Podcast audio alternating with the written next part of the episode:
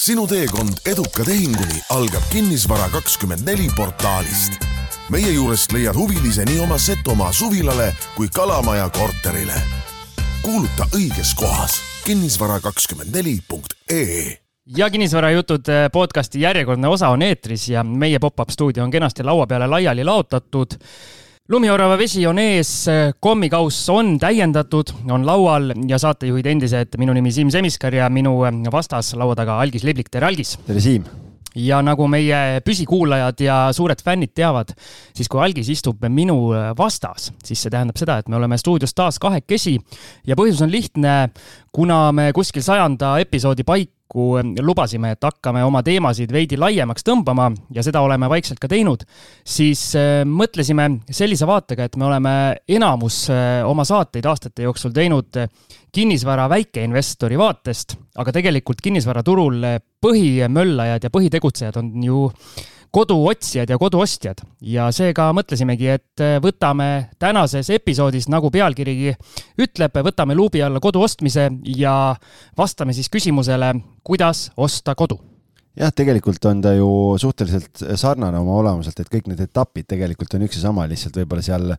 selle investeerimiskorteri osas lihtsalt finantseerimise pool on erinev ja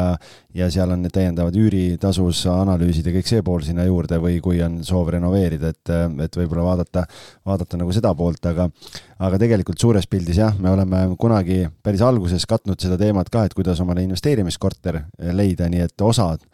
punktidest kattuvad aga jah, mõtlesime Siimuga, et teeme omapoolse kingituse siis teile ja jagame kõik oma kogemused täna letti selleks, et teie ei peaks ämbrit kolistama. just, ja tegemist loodetavasti saab siis olema üsna ajatu saatega välja arvatud siis need osad, kus me räägime konkreetselt hetke turuolukorrast, äh, laenutingimustest ja sellistest asjadest, et äh, võib-olla nagu Algis siin äh, eelnevalt, kui mikrofonid kinni oli, ütles, et kui inimesed kuulavad meid ka aastal kaks tuhat kolmkümmend viis, siis ärge seda hetke tulu, turuolukorda või seda juttu eriti tähele pange, siis on asjad võib-olla hoopis teistmoodi. jah, et kui me räägime nii-öelda nendest asjadest, mida peab tegema, äh, kui te otsite objekte või kui te koha peale lähete, et mida siis vaadata ja küsida ja seda, mida teha siis pärast notaris ja pärast notarit, et siis see on ajatu mis sa arvad, kas kaks tuhat kolmkümmend viis on veel notarid või näiteks majad juba hõljuvad ja siis peab juba jälgima, kas see hõljuksüsteem ka töötab? ma ei kujuta ette, siis ei pea enam isegi kohale minema, vaata, kui me oleme rääkinud, et noh, investeerimise puhul näiteks vaata, et kõige paremad äh, korterid on need, kus on see õige lõhn nii-öelda, paha lõhn on sees, et seal on, see on see äh, haistab, tähendab head võimalust, et siis võib-olla saab sellel ajal juba ka lõhnakõnesid teha, et äkki ei pea isegi kohale minema. seal on kodutunde kõne, et äh, läbi äh, virtuaalreaalsuse tuleb kodutunne ka kohale. jah väga hea, nii et, et siis äh, nii nagu kunagi tänased täna põlvkond ei tea enam kassettidest ega, ega floppy diskidest midagi, siis kaks tuhat kolmkümmend viis, kui keegi seda kuulab, siis ta naerab meid kõva häälega välja. Floppy diskidest mul tuleb meelde see, kuidas ma oma kooli arvutiklassis tõin ühte MP3 faili ehk siis ühte laulu tõin kolme või nelja floppy diski peal koduarvutisse kunagi. päris hea. tänased noored mõtlevad ja neil läksid praegu. guugeldage. silm plahvatas peas. aga Lähme siis kodu ostmise juurde. Lähme jah. algis äh, maaklerina igapäevaselt tegutseb turul, tema on meile selle saate jaoks kena sellise teekaardi valmis joonistanud, aga Algis, ma kõigepealt küsin sult, äh, sult seda ka, et praegune turuolukord, et me öö, äh, oleme me kuskil kriisis, on meil mingi suur ärevus kodu, koduotsijate ja koduostjate südames või on nii-öelda business as usual? Ma ütleksime me lihtsalt äh, nii-öelda märkuse korras, et me salvestame mai alguses siis kaks tuhat kakskümmend kolm äh, seda saadet, et ähm, ma ütlen nii, et see suur šokk on möödas ja, ja ütleks, et ma ei tea, kas business as usual, aga, aga liigume tagasi sinna normaalsuse juurde jälle, et tehingute arvus see veel aprillis ei kajastunud, et tehingute arv märtsiga võrreldes nagu kukkus, aga tegelikult äh, ma ei tea, kas need on nüüd äh, kevadised soojad ilmad, päike, inimesed on sellest kaomusest väsinud ja ootavad seda suve. aga minul igatahes aprillikuu ja nii palju, kui ma olen ka kolleegidega rääkinud, oli nagu oluliselt aktiivsem. inimesed on uuesti välja tulnud, nii investorid kui koduostjad mõlemad ehk et, et tegelikult just nagu müügi poolel ma näen nagu väga suurt aktiivsuse kasvu ja, ja nii palju, kui ma olen suhelnud nende inimestega, kes tulevad siis korterit vaatama, et endale kodu osta, siis nad ütlevad, et et suures plaanis ei ole enam vahet, kas see Euribor on kolm koma üks või kolm koma seitse, et eluga tuleb edasi minna ja ükski, ükski asi ei saa sellepärast nagu ostmata jääda, nii et, et ma ütleks nii, et tundub, et see on uus normaalsus ja inimesed on kuidagi selle omaks võtnud, nii et, et vist võib öelda, et, et business as usual jälle. minul on ähm, üks, üks korter nii-öelda kontrollina meie hea toetaja Kinnisvara kakskümmend neli portaalis müügikuulutusena üleval, et just nagu kompida seda turgu, et kas tuleb kõnesid, millal tuleb kõnesid või, või päringuid ja ma olen siin viimasel ajal, kui pikalt-pikalt on vaikus olnud, siis viimasel ajal ma olen paar kõnet saanud, nii et kus nagu tuntakse huvi, tahetakse vaatama tulla. ehk siis äh.... jaa, ma ütlen, et mul mingite korterite puhul on ikkagi niimoodi, et, et ma reaalselt äh, tekib natukene selline FOMO tunne jälle, et inimestel on see oht, et eh, noh, mul e-, eile käisin ühte korterit näitamas, ühe päevaga käis eh, kolm huvilist, kaks nendest läks panka eh, ja, ja mul täna salvestamise päeva õhtul lähen uuesti veel näitama seda, pluss ühe teise korteriga on niimoodi, et üks klient ootab katseaja lõppu, teisel on vaja tema korter enne ära müüa, et ta saaks selle korteri osta. Ja täna lähen kolmandale inimesele näitama, nii et seal on ka jooks ajaga, et kes lõpuks selle tehingu nagu tehtud saab, nii et, et selline natukene kaks tuhat kakskümmend üks, kaks tuhat kakskümmend kaks tunne on mingite objektidega seoses nagu tulnud. Ja tegelikult, kui me ka investoritele korterid otsime, siis eh, ikkagi elu näitab seda, et heade tehingute puhul või nagu heade, kust on nagu head hea, ilusad kodud või hea hinnaga lähevad kiirelt ära, et meil üks investor, kellele me otsime, natukene aeglaselt reageerib meie kirjadele ja siis selleks ajaks, kui ta vastab, siis on enamus objekte on juba broneeritud või müüdud, nii et, et näha on jah, et ega turg ei maga aga sina kui nii-öelda pikemalt turul tegutsenud maakler, siis sa ilmselt äh, oskad ju, ju seda ka kinnitada, et normaalne ongi, kui mingit korterit või sellist keskmist objekti võib-olla müüdki olenevalt asukohast kolm kuni kuus kuud, et see ei ole mingi, mingi nii-öelda erakorraline, et lihtsalt need vahepealsed aastad, kus kuulutus tuli ülesse ja kui sa helistasid pool tundi pärast selle avalikuks tulemist, siis sa olid juba hiljaks jäänud, see oli nagu anomaalia täielik. ei noh, see oli täielik anomaalia muidugi, et see on, see oli enne nii ja praegu ka ikkagi ütlen klientidele, kui ma objekti müüki võtan tavalise korteri puhul, et kolme kuuga peab arvestama, et või isegi võib minna kuni kuus kuud, kui on kallim, et kui me räägime kolmsada tuhat ja üle, et noh. ilmselt, kui me räägime ka Tallinnast väljas, et siis see likviidsus vähe vähe just, väiksem on. just, et, et selles mõttes, et, et sellega nagu peab arvestama ja kui on nagu majadega tegemist, siis on kogu aeg juttu olnud klientidele, et kuus kuni kaksteist kuud sa pead arvestama selle ajaga, et ega täna see ei ole kuidagi muutunud, et see, mis siin Rahvasport toimus kaks aastat vahepeal, et paned kuulutuse üles, joostakse pikali ja tehakse veel enampakkumisi ka, noh, see on selline tore, tore ajalugu, millest me saame järeltulevatele põlvedele rääkida sa korra mainisid, et sul nii-öelda kliendid lähevad panka ka. Hea on sisse tuua nii-öelda turuolukorra eh, selle jutu lõpetuseks ka see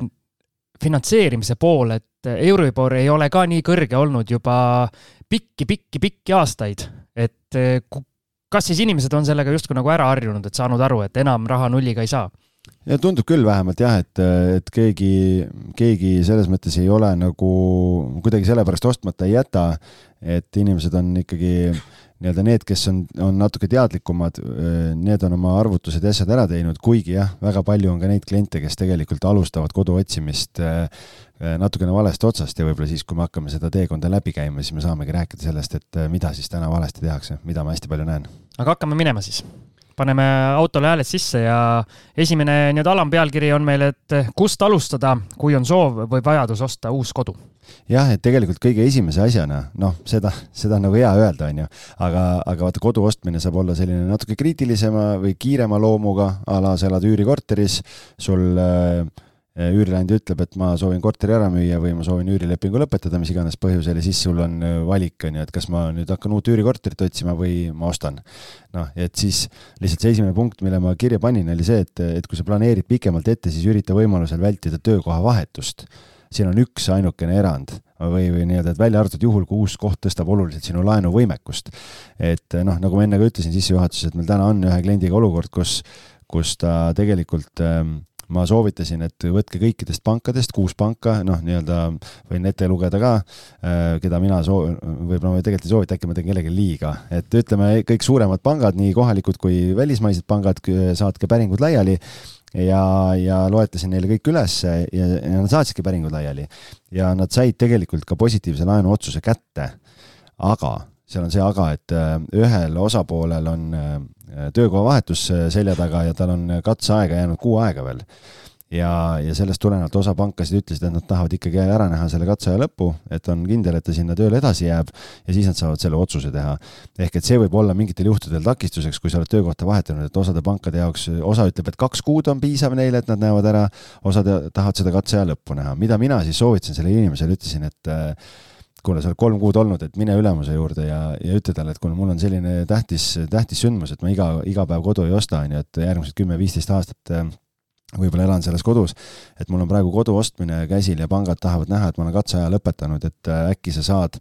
mulle tagasisidet anda, kas sa oled mu tööga rahul ja, ja võib-olla äkki me saame selle katseaja nagu kuu aega varem ära lõpetada. Ja see on normaalne minna niimoodi ülemuse juurde ja küsida, aga nemad ei tahtnud minna ja nad ütlesid, nad ikkagi ootavad ära, on ju, ma ütlesin, et siis te peate lihtsalt arvestama sellega, et no müügiprotsess läheb edasi ja teised huvilised on veel, kelle kodu on vaja ära müüa, et nüüd teil hakkab siis nii-öelda võidujooks ajaga, et te peate lihtsalt arvestama sellega.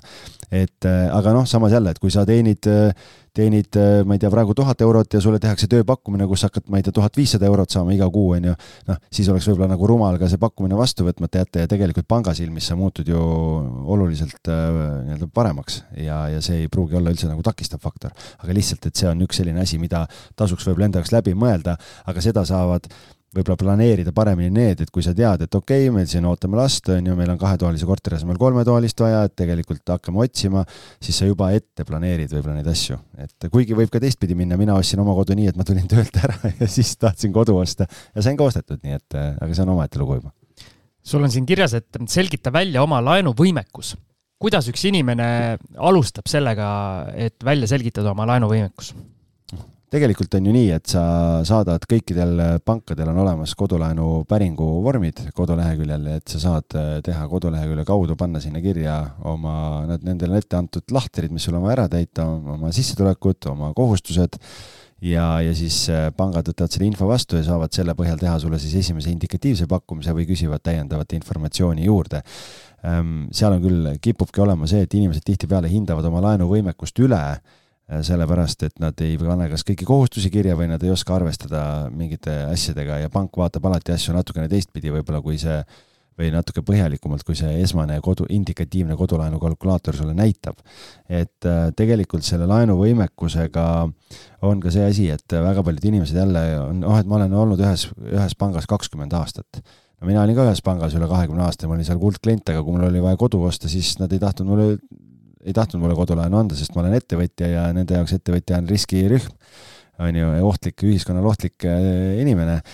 lausa nii, jah? jah, et siis äh, siis äh, sellepärast ongi vaja kõikidest pankadest võtta ja kui sa saadad erinevatesse pankadesse ja sa saad mitu positiivset vastust, siis see annab sulle omakorda jõupositsiooni tegelikult ka ju pankadega läbi rääkida ja paremaid tingimusi endale seada, et nii nagu me Siimuga enne ütlesime, et äh, et kui sa ostad kümneks, viieteistkümneks aastaks omale kodu või, või võib-olla veel pikemaks ajaks, noh, siis äh, see on finantsiliselt nagu tark otsus endale nii hea diil välja rääkida kui võimalik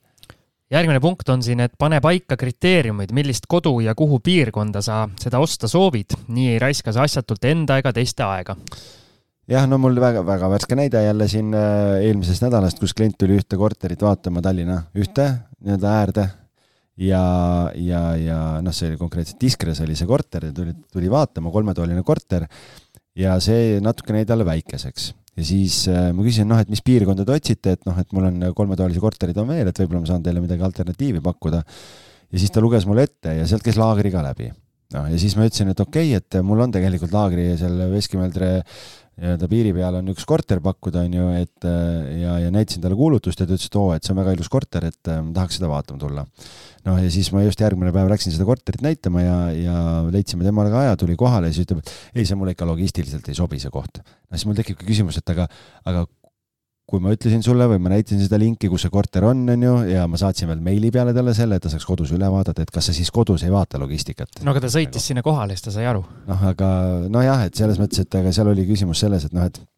laste kooliga logistiliselt ei klapi et äh, aga noh, seda ühistranspordiühendust ja kõike, tegelikult sa saad kodus selle ju ära vaadata ja sellega sa säästad enda ja teiste inimeste aega. mitte, et mul ei ole kahju näidata, aga noh, kui, kui sa pead nagu eraldi sõitma sellepärast kuskile tund aega, et mingit objekti näidata ja klient tuleb kohale, ütleb, et aa, ma ei teadnud, et see nii kaugel on, noh siis ilmselgelt sul on kodutöö tegemata. no mina, kui oma praegust kodu äh, koos abikaasaga otsisin, siis mina olin täpselt see või meie olime siis need, kes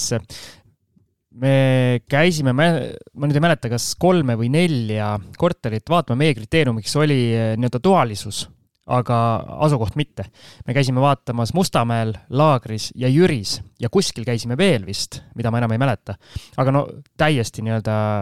erinevad, erinevad asukohad ja lõpuks siis nii-öelda ühe neist valisime. see ongi okei okay. ja tihtipeale see on okei okay sinnamaani ja ma olen ka müünud klientidele kortereid, mida nad ise ei ole kunagi vaadanudki, hoopis teises piirkonnas. reeglina see muutub siis, kui tulevad lapsed mängu, laste lasteaiad, laste koolid, kõik asjad, siis see otsustamine muutub juba keerulisemaks ja siis inimesed ei taha selliseid otsuseid teha, aga arusaadav on see, et lihtsalt nagu seal peabki seda nagu silmas pidama. meie just otsisimegi täpselt eh, sellist kodu, kuhu saaks nii-öelda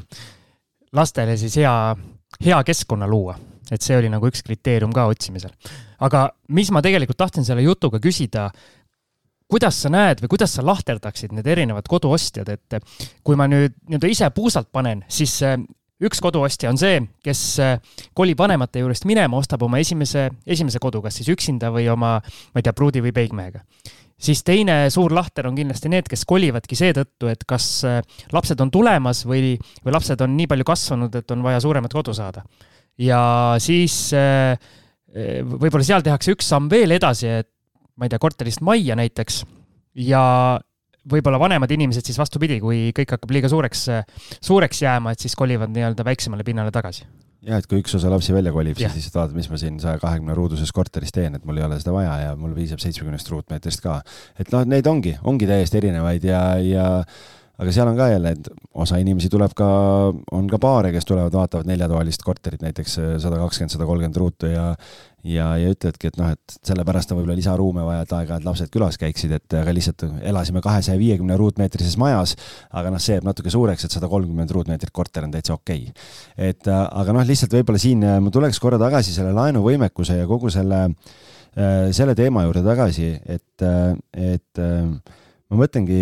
noh, suurim viga, mida ma täna näen, on see, et eriti ühe korteriga, ma ei tea, kuidagi see on, omanikuga oleme naernud, et, et kuidagi see on nagu magnet sellistele ostjatele,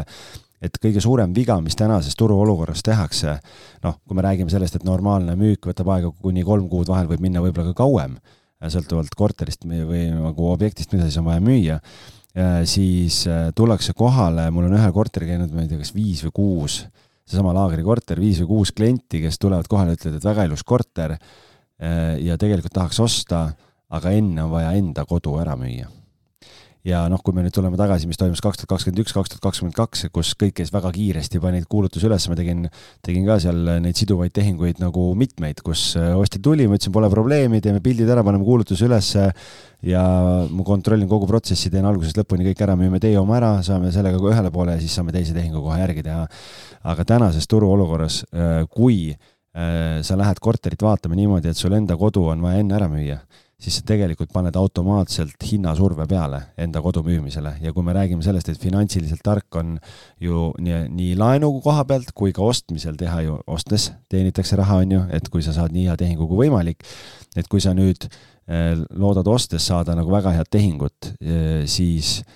eh, siis müües nagu, kui sul on, paned selle surve, et kuu või kahega on vaja ära müüa, siis kõige suurem kriteerium on ju hind et sa pead hinnaga suutma motiveerida, et sul on palju ostjaid, kes siis tulevad, ostavad äh, nagu tekib huvi ja ostavad ära. et sellepärast ma olengi ostjatele öelnud, et, et me kahjuks ei saa nagu broneerida teile seda korterit praegu, sest äh, teadmata, kui kaua teie enda kodu müügiga läheb, siis me ei saa seda riski nagu müüjaga võtta, et, et see võib olla liiga pikk periood lihtsalt ja põhimõtteliselt minu meelest sama teema teine tahk on see, et kui sa elad üürikorteris, siis tuleb vaadata üürilepingut ja rääkida oma korteri omanikuga või üürileandjaga, et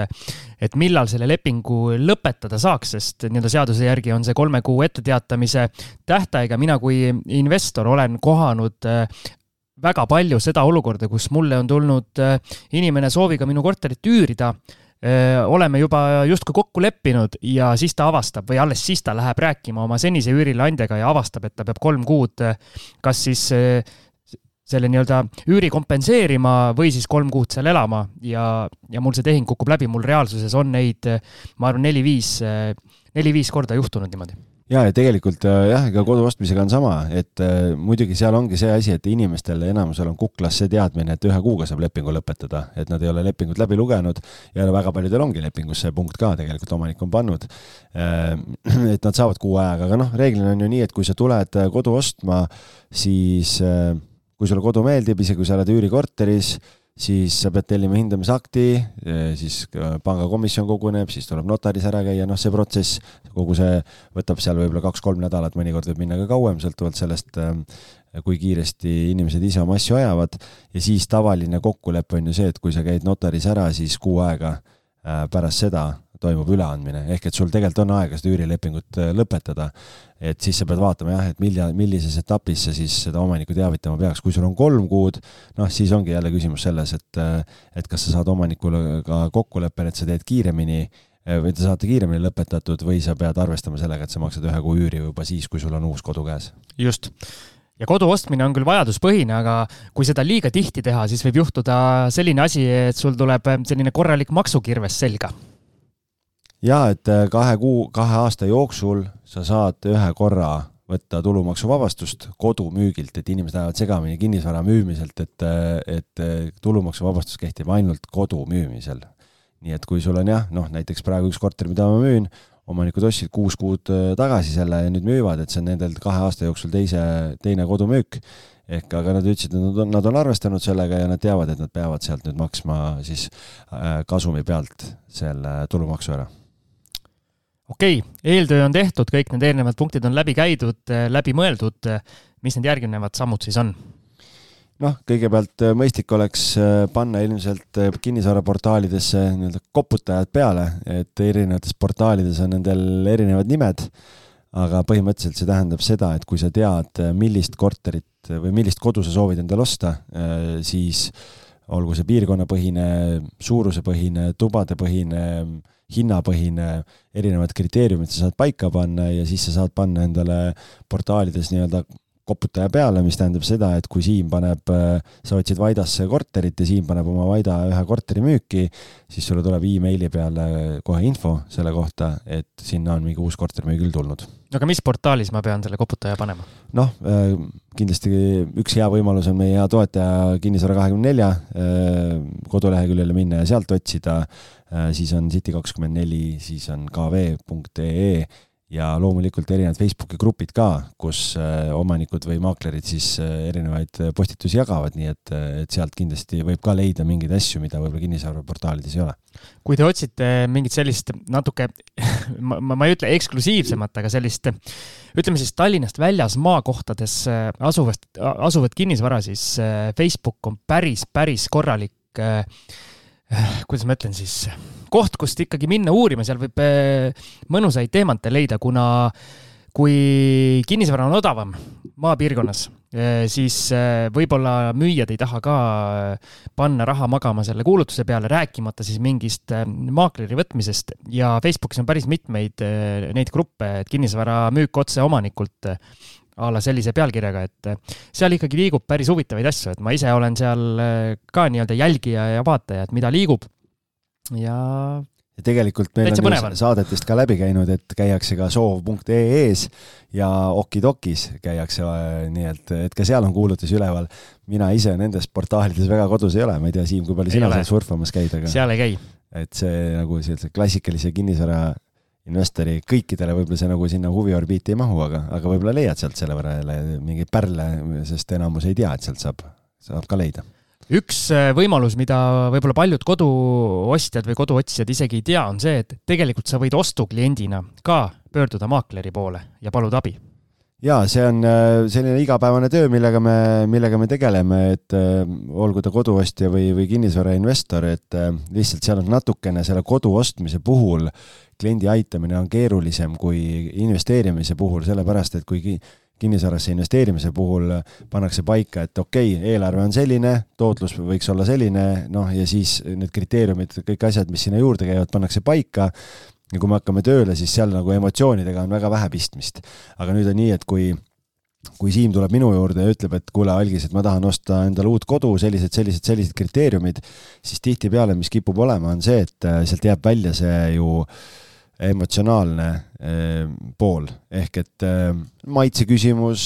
noh, mingid sellised spetsiifilised eelistused, mida sa kas ei oska võib-olla edasi anda või, või ei olegi võimalik edasi anda. ja siis ongi see, et, et me otsime kliendile korterit ja siis klient samal ajal saadab mingi täiesti äh, ise teeb paralleelselt nii-öelda tööd, on ju, saadab mingeid täiesti random mingeid suvalisi objekte vahele, siis ma küsingi, et oot-oot-oot-oot, et nagu kuule, aga kuidas see nagu selle pildiga nüüd kattub, mida sa mulle nagu ütlesid, et noh, et ma üldse nagu selliseid objekte ei ole vaadanudki. et seal peab nagu hästi selge olema see, et kas sa otsid ise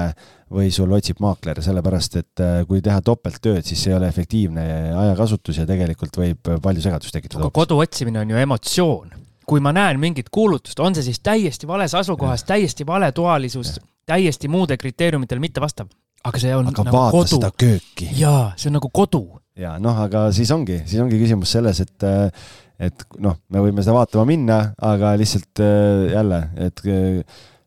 tekita, hakkame otsast pihta, paneme nüüd uuesti kirja, mida me otsime, kuidas me otsime, kõik sellepärast, et ega meie eesmärk on ju klienti aidata, üks asi ja teine asi on see, et, et see ajakasutus peab olema ratsionaalne, sest ega me oleme, see on ikkagi meie töö ja meil on vaja nagu leib lauale teenida, et kui me lihtsalt suvaliselt. kas näitamisega päev, ei saa leiba lauale üks, üks päev otsime ühte asja, teisel päeval teist ja kolmandal päeval kolmandat asja, siis, siis lõpuks sealt mingit tulemust ei tule ja, ja see ei ole nagu kummalegi poolele kasulik. okei okay., oletame, kõigi nende eelnevate nõuannetega on nüüd äh, sobivad äh, objektid äh, välja valitud ja nüüd on siis vaatama minek. tead Või..., mul tuli üks mõte veel no, mida siin kirjas ei ole. üks võimalus on see, kui sa näed portaalides mingeid kortereid või kui sa kuidagi otsid ja sa ei leia endale, noh, ei leia sellist sobivat, siis mulle maaklerina tuleb päris tihti päringuid selle kohta, et ega omanik ei ole huvitatud selle korteri müümisest, ehk et saadetakse üürikorteritele päringuid, et ma sooviks seda kodu osta, äkki omanik on nõus müüma et see on tegelikult päris hea variant, et äh, minu klientidega ei ole küll õnneks läinud, äh, sellepärast et äh, investorid reeglina ostavad pika vaatega, aga, aga tegelikult jaa, see on üks variant, mida täitsa soovitan kasutada. ehk siis tasub üürikuulutustel ka silma peal hoida? jaa, et noh, sellepärast, et üürikuulutuste hulgas sa võid leida mingeid selliseid pärle, mis sulle nagu väga-väga meeldivad ja õnn, õnn peab ka elus olema, on ju. jah nii, aga enne kui me lähme järgmise alampunkti juurde, mida siis seal vaatamas olles kohapeal küsida, teeme ühe väikese pausi. ja joome head lumiorava vett, nii et äh, oleme varsti tagasi. hei üüriinvestor, otsid järgmist põnevat projekti? vaata kindlasti Kinnisvara kakskümmend neli portaalist, kust leiad värsked pakkumised nelikümmend kaheksa tundi varem kui mujalt nii, Algisel on veel suukommi ja lumiorava vett täis ja tegin Algisele vahepeal väikse komplimendi ka, mehel jäi kohe, jäi kommi kurk kinni. sul on ka kevad südames või? Siim ütles, et ma olen tark, see on ja. ajalooline hetk. ühesõnaga algis, näita nüüd oma tarkust, et äh, vaat siin ma saan, saan tegelikult kaasa ka rääkida.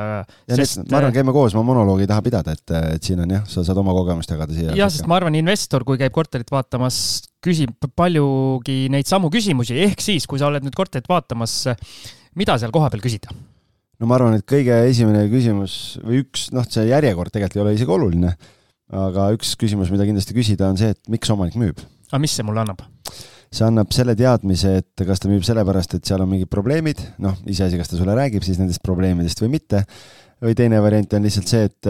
et võib-olla kui sealt tulebki välja info, et aa, näed, me oleme siin kümme aastat elanud ja või kui maakler ütleb, et näed, noh, et äh, klient on siin kümme aastat äh, elanud, neil on suuremat kodu vaja, et sellepärast müüvad, noh et siis, kui sa jälle kuuled teistpidi, et näed, et ta on ise üle kümne aasta seal elanud, järelikult on okei okay koht, kus elada, et äh, ilmselt muidu inimesed nii kaua seal majas vastu ei peaks. Ja mulle kui investorile ütleb näiteks, kas see, kuidas inimene sellele küsimusele vastab või mis ta vastab, oleneb, kui ausad ollakse, ütleb ära, et kas seal on mingit võimalust näiteks nii-öelda mängida hinnaga, et kui ikkagi inimene ütleb, et et teda see korter ei huvita, et ma sain selle näiteks päranduseks või mul äh, elasid siin vanemad. Äh, nad kas siis surid ära või läksid kuskile vanadekodusse edasi, ma ei taha sellega üldse tegeleda ja korter on veel nii-öelda halvas seisus ka, siis mina kui investor nii-öelda tunnetan, et seal on võimalus, inimene ei ole emotsionaalselt seotud selle kohaga ja sealt on võib-olla nii-öelda hinda võimalus küsida. aga see kõik oleneb sellest, mis sulle seal vastatakse ja mis ja, tunne sul jääb. kui minnakse lahku või täpselt on päranduseks saadud äh, on äh, mingid, äh, ma ei tea, mis iganes muud sellised muudatused, siis kui natukene see vastus annab aimu, et tegelikult neil on kiire või kuidagi ükskõik või see on nagu kohustus kaelas või noh, et tahaks nagu lahti saada, siis see on kohe sulle trump taskus, et sa tead, et sa saad hinda kaubelda. ja teine äärmus vist on see, kui, kui nii-öelda omanikul on maakler küll võetud, aga omanik käib maakleri nii-öelda kõrval ja räägib ise kõik jutu, kuidas selle pani ta oma käega, selle lühtri seal ja selle radika värvis ta ilusasti lillaks siis, kui nende esimene laps sündis ja seda radiaatorit ei tohi mitte kunagi enam valgeks tagasi värvida, et see on nagu. ta müüb ainult sellele, kes ja, lubab, et ta ja. selle ära ei värvi. et see on nagu teistmoodi. noh, et ja ei, noh, see on jälle, Siim tõi ühe huvitava argumendi välja, et kui sa satud sellise objekti otsa, kus, kus omanik on ka kohal, kui, kuigi on maakler võetud noh, siis ilmselgelt seal saab ka kaubelda, sellepärast et seal on nagu jõu, jõuõlg on selgelt ohjad on omaniku käes et, et ikkagi professionaalne maakler teeb tööd niimoodi, et, et omaniku juures ei ole. okei okay., siis järgmine küsimus, kui kaua korter müügis on olnud, mis see mulle annab? Samamoodi, see annab jälle sulle indikatsiooni sellest, et, et kui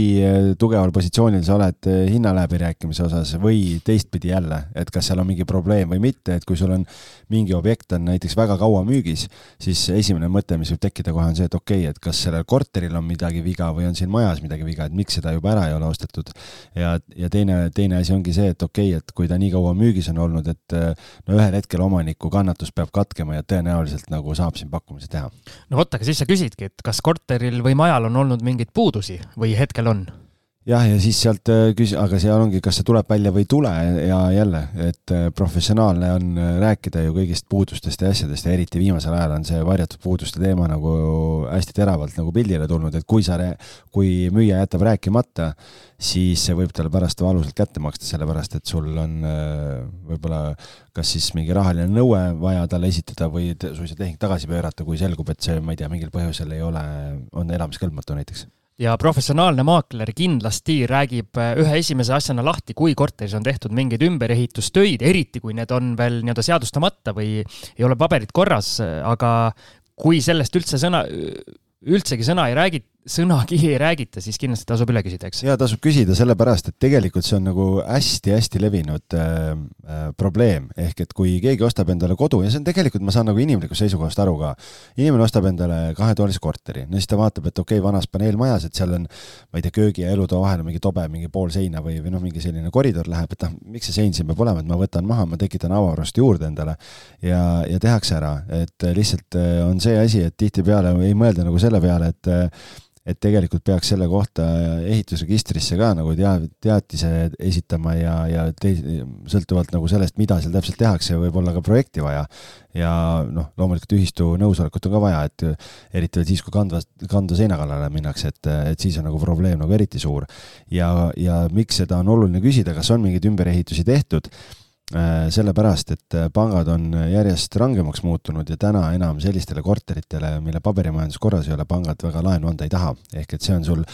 noh, et kui sa nüüd lähed korterit vaatama, sa seda ei küsi ja pärast tuleb välja hindamisakti, oled juba ära tellinud, oled selle kulu võtnud ja siis selgub, et oi,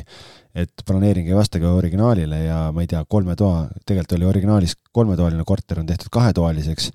ja sa ise ei ole osanud seda registrist vaadata, noh siis ilmselgelt sa oled lihtsalt raha raisanud ja see tehing jääb katki ja sama hingetõmbega on äh, mõistlik küsida ka, et millal korteris äh, viimati remonti tehti, et kas on vahetatud äh, elektrijuhtmed ja, ja kõik selline asi, kui sa ostad nii-öelda vanemat paneelmaja korterit. jah, et, et millal tehti ja kui suures ulatuses tehti, et kas on tehtud kosmeetiline või on tehtud täielik renoveerimine just, et kas on ka toru ja elektritööd tehtud või on lihtsalt mingid kergemad maalritööd tehtud ja tegelikult ma tulen korra eelmise punkti juurde tagasi. Siim ütles, et noh, et kui tark maakler on, et siis ta oskab vastata, kas on tehtud mingeid ümberehitustöid või ei ole, et tegelikult tark maakler äh, äh, selgitab selle välja, kui ta müüma hakkab ja kui paberimajandus ei ole korras, siis ta tegelikult aitab kliendil ka selle paberimajanduse korda ajada, et see on nagu äh, tubli ja professionaalne maakler. no vot jah, et väiksed reklaamiminutid. kiida iseennast. maakleritele siia, siia vahele. kui iseennast ei kiida, kes siis ikka kiidab? no absoluutselt. õige, no Siim kiidab vahest. aga et ühesõnaga jaa, et see remondi ulatus on selles mõttes ka oluline, et, et seal on nagu väga suur vahe, et kas korter on nagu täielikult renoveeritud või on seal tehtud värskendusremont, et need on erinevad asjad nii hindamist arvesse võttes kui ka sulle endale teadmiseks, et kas sa pead hakkama seal võib-olla elektrijuhtmeid vahetama või mitte ja remondiga jätkates, siis kindlasti tasub uurida, et millal majas viimati remont tehti, et kas fassaad, katus, koridorid, kõik on renoveeritud, kas küttesüsteemid on renoveeritud, väga oluline on küsida minu meelest, kas püstakud on renoveeritud, sest kui korteris on tehtud superremont, kõik püstakud on äh, nii-öelda kinni ehitatud, aga need on vahetamata, siis ühel hetkel juhtub selline asi, et sulle tuleb kiri, et palun tagada nende püstakutele ligipääs sellel ja sellel kuupäeval ja sa oled sunnitud lihtsalt oma selle ilusa remonditud vannitoa või köögi lahti lammutama ja mitte keegi sulle seda ei kompenseeri pärast. ja mul ongi värskelt hea näide selle kohta, et äh, just läks äh, kaks päeva tagasi broneeringusse üks äh, kolmetoaline korter Sõles ja, ja seal selline olukord, et et korteriühistu või noh, kommunaalarved on keskmisest natuke kõrgemad ja ma vaatasin, et remondifondi kogutakse null koma kaheksa eurot ruutmeeter ehk et sulle ka indikatsiooniks lihtsalt, et kui maakler ei oska vastata või omanik ei oska vastata, siis tavaliselt on niimoodi, et kui korteriühistu kogub äh, remondifondi, ütleme seal äh, null koma üks kuni null koma neli eurot ruutmeeter, siis reeglina mingeid äh, suuri plaane ei ole, et seda kogutakse nii-öelda profülaktika mõttes selle jaoks, et kui mingil hetkel on vaja hakata midagi tegema või juhtub mingi ootamatus, et oleks nii-öelda puhver olemas, millest siis saaks need tööd ära teha. või siis jooksvad tööd, mis jah, just, et on planeeritud mingid väiksemad mingid asjad, aga kui see juba läheb üle null koma viie, ütleme seal null koma viis kuni null koma kaheksa või noh, mingitel juhtudel on ta seal ka äh, üks koma viis olen mina näinud. ja mina olen ka näinud neli eurot ruutmeeter, et, et et äh, kas see, valus ei hakanud seda arvet vaadates? teine, teine flip, mis me tegime Kenniga, seal oli niimoodi, et äh, see oli kümne, kümne korteriga maja ja see oli kole kui öö oli see maja, onju, ja, ja seal ühistu võttis ööd, kätte. ööd on väga ilusad, eriti suvel. ööd on siin mustad. et äh, ja, ja ühistu võttis kätte ja tegi fassaadi korda. Ja me just enne seda müüsime korteri ära, aga vahetult enne seda, kui me müüsime, see oli seitsmeteist ruutmeetrine väike ühetoaline korter siis ühistu koosolekul võeti vastu otsus, et noh, lihtsalt ei olnudki muud varianti, et kuna majas korterid vähe, siis oli neli eurot ruutmeeter remondifond ehk et seitsmeteist ruutmeetrise korteri puhul äh, peaaegu seitsekümmend eurot. nii et, et, et see on lihtsalt pangapoolne nõue tihtipeale selleks, et laenu tagasi maksta, aga mis ma tahtsingi öelda, oli selle Sõle korteri puhul näiteks äh, oli arvel null koma kaheksa eurot ruutmeeter remondifond, ma küsin omaniku käest, et nii, mis ühistul plaanis on, et ilmselgelt mingi otsus on vastu võetud, sest muidu nii aktiivselt ei kogutaks. ta ütles, ma ei tea, on ju, et, et ma ütlesin, et okei okay,, et ma helistan ühistu esimehele ise ja suhtlesin ja sain sealt väga head infot, ütleski, et jah, näed, et me kogume, meil on kaheksakümmend tuhat eurot on olemas, et äh, tahame fassaadi ära teha, sest see oli ka hästi koleda fassaadiga maja ja maja küttesüsteemi torustiku ära vahetada. ja siis äh, omanikult tuli info ka, et püstakud on vahetamata, need olid WC-poti taga vannitoas, vannituba väga ilus remont tehtud ja siis ma küsin, kuidas püstakutega plaan on, et ma tean, et, et need on vahetamata, ta ütles, et äh, meil on kontroll on tehtud, et äh, need on heas seisukorras, et seal otseselt kohe praegu teha ei ole vaja. et kõigepealt teeme need teised asjad ära ja siis püstakute juurde tuleme kunagi aastate pärast nagu. et ülioluline info tegelikult ja, ja kui omanik ei tea või maakler ei tea, siis lihtsalt äh, võta ise, otsi küsi, vaata kommunaalarvel on võib-olla see kontakt olemas, kas maja halduri kontakt või ühistu kontakt või siis guugeldades tegelikult leiad maja ühistu kontakti ka üles. minul viimase pooleteist aasta jooksul on kahel korral, või tähendab, nii-öelda kaks kogemust olnud, kus vanades majades on püstakud ära vahetatud. Õnneks mõlemas korteris mul oli, oli tagatud nii-öelda püstakutele ligipääs, ühes korteris oli see väga lihtne, kus tuli lihtsalt üks nii-öelda seinaosa eest ära tõsta. seal oli suurepäraselt lahendatud, aga teises korteris ma pidin ise ikkagi natukene seal kööki lammutama, aga seal oli ka niimoodi see nii-öelda püstaku ette pandud osa oli justkui nagu eraldi ehitatud, et sai nagu ühes tükis kätte ja sai ühes tükis nagu hiljem tagasi panna, aga see nõudis natuke tööd. aga jah, hästi palju olen näinud ju ilmselt sina oled ka näinud neid vannitube ja kööke, mis on, ongi suurepärane remont tehtud, väga ilusti ehitatud, aga lihtsalt kinni pandud kõik. ja et see on jah hästi oluline, et kui sa ise, noh, kui sa ostad endale kodu ja sa tead, et ühistul järgmise kolme aasta jooksul näiteks või ei ole plaanis äh, püstakuid vahetama hakata, et tehakse suuremad tööd ära, sest kui, kui mingi suuremad tööd tehakse, fassaadid või asjad ja võetakse laen, siis ühistu ei saa uut laenu peale võtta lähiajal selleks, et hakata, hakata mingit järgmist suuremamahulist tööd tegema et siis vannitoa remont ei pea sellepärast tegemata jääma, vaid siis, kui remonti tehakse, siis lihtsalt tuleb ehitajale anda info lihtsalt, et nad jätaksid ligipääsu sinna, väga ilusasti saab tänapäeval teha neid ligipääse, et kui püstakute vahetuseks läheb, et siis ei peaks seina katki lõhkuma sealt. just, sa korra mainisid ka, et eh, nii-öelda majalaen või korteriühistu laen, et miks ma pean teadma, millal see majalaen lõpeb, eh, kui kaua see kestab, kui suur see laenumakse on? Miks see mind koduostjana huvitab? noh, see jälle annab sulle selle info või selle teadmise lihtsalt, et äh, kui kaua seda kohustust veel on, et kui see, kui kommunaalarve on selle võrra nagu üsna kõrge, siis on tegelikult oluline teada, et võib-olla see lõpeb aasta pärast ära ja sul läheb tegelikult olukord oluliselt äh, paremaks et äh, noh, jälle üks näide siin, seesama laagrikorter, mis enne läbi käis, ühistu võttis eelmine aasta laenu viieks aastaks, tegid fassaadi korda, maja näeb välja nagu uus, neli aastat on veel maksta, null koma üheksa eurot on remondifond, aga sa tead seda, et äh, maja on korras, nelja aasta pärast see summa läheb, äh, läheb väiksemaks. teistpidi jälle üks korter, mida ma müün, äh, seal on remondifond, seal on kuus korterit majas, remondifond on üks koma kolm eurot, nüüd just ühistu tõstis ühe koma nelja peale, sest Euribor läheb üles, kolmkümmend juuni tõstetakse jälle, siis nad ütlesid etteruttavalt juba, ettevaatavalt tõstavad remondifondi, et, et väike puhver peab jääma ka, et ei saa kõike ju ära maksta. ja seal on laen näiteks kehtib kahe tuhande kolmekümne seitsmenda aastani noh, et siis sa ostjana tead jälle, et okei okay,, et see on see normaalsus, millega ma pean arvestama, et need kommunaalarved on sellised ja jäävad selliseks, et nad ei, ei lähe väiksemaks, sellepärast et laenumakse kestab veel üsna pikalt. aga mida teha sellises olukorras, kui sa näed, et maja on üsna kehvas korras, väga palju oleks vaja teha ja vahetada, aga majal on äh, väga pikk ja väga kulukas laen juba peal?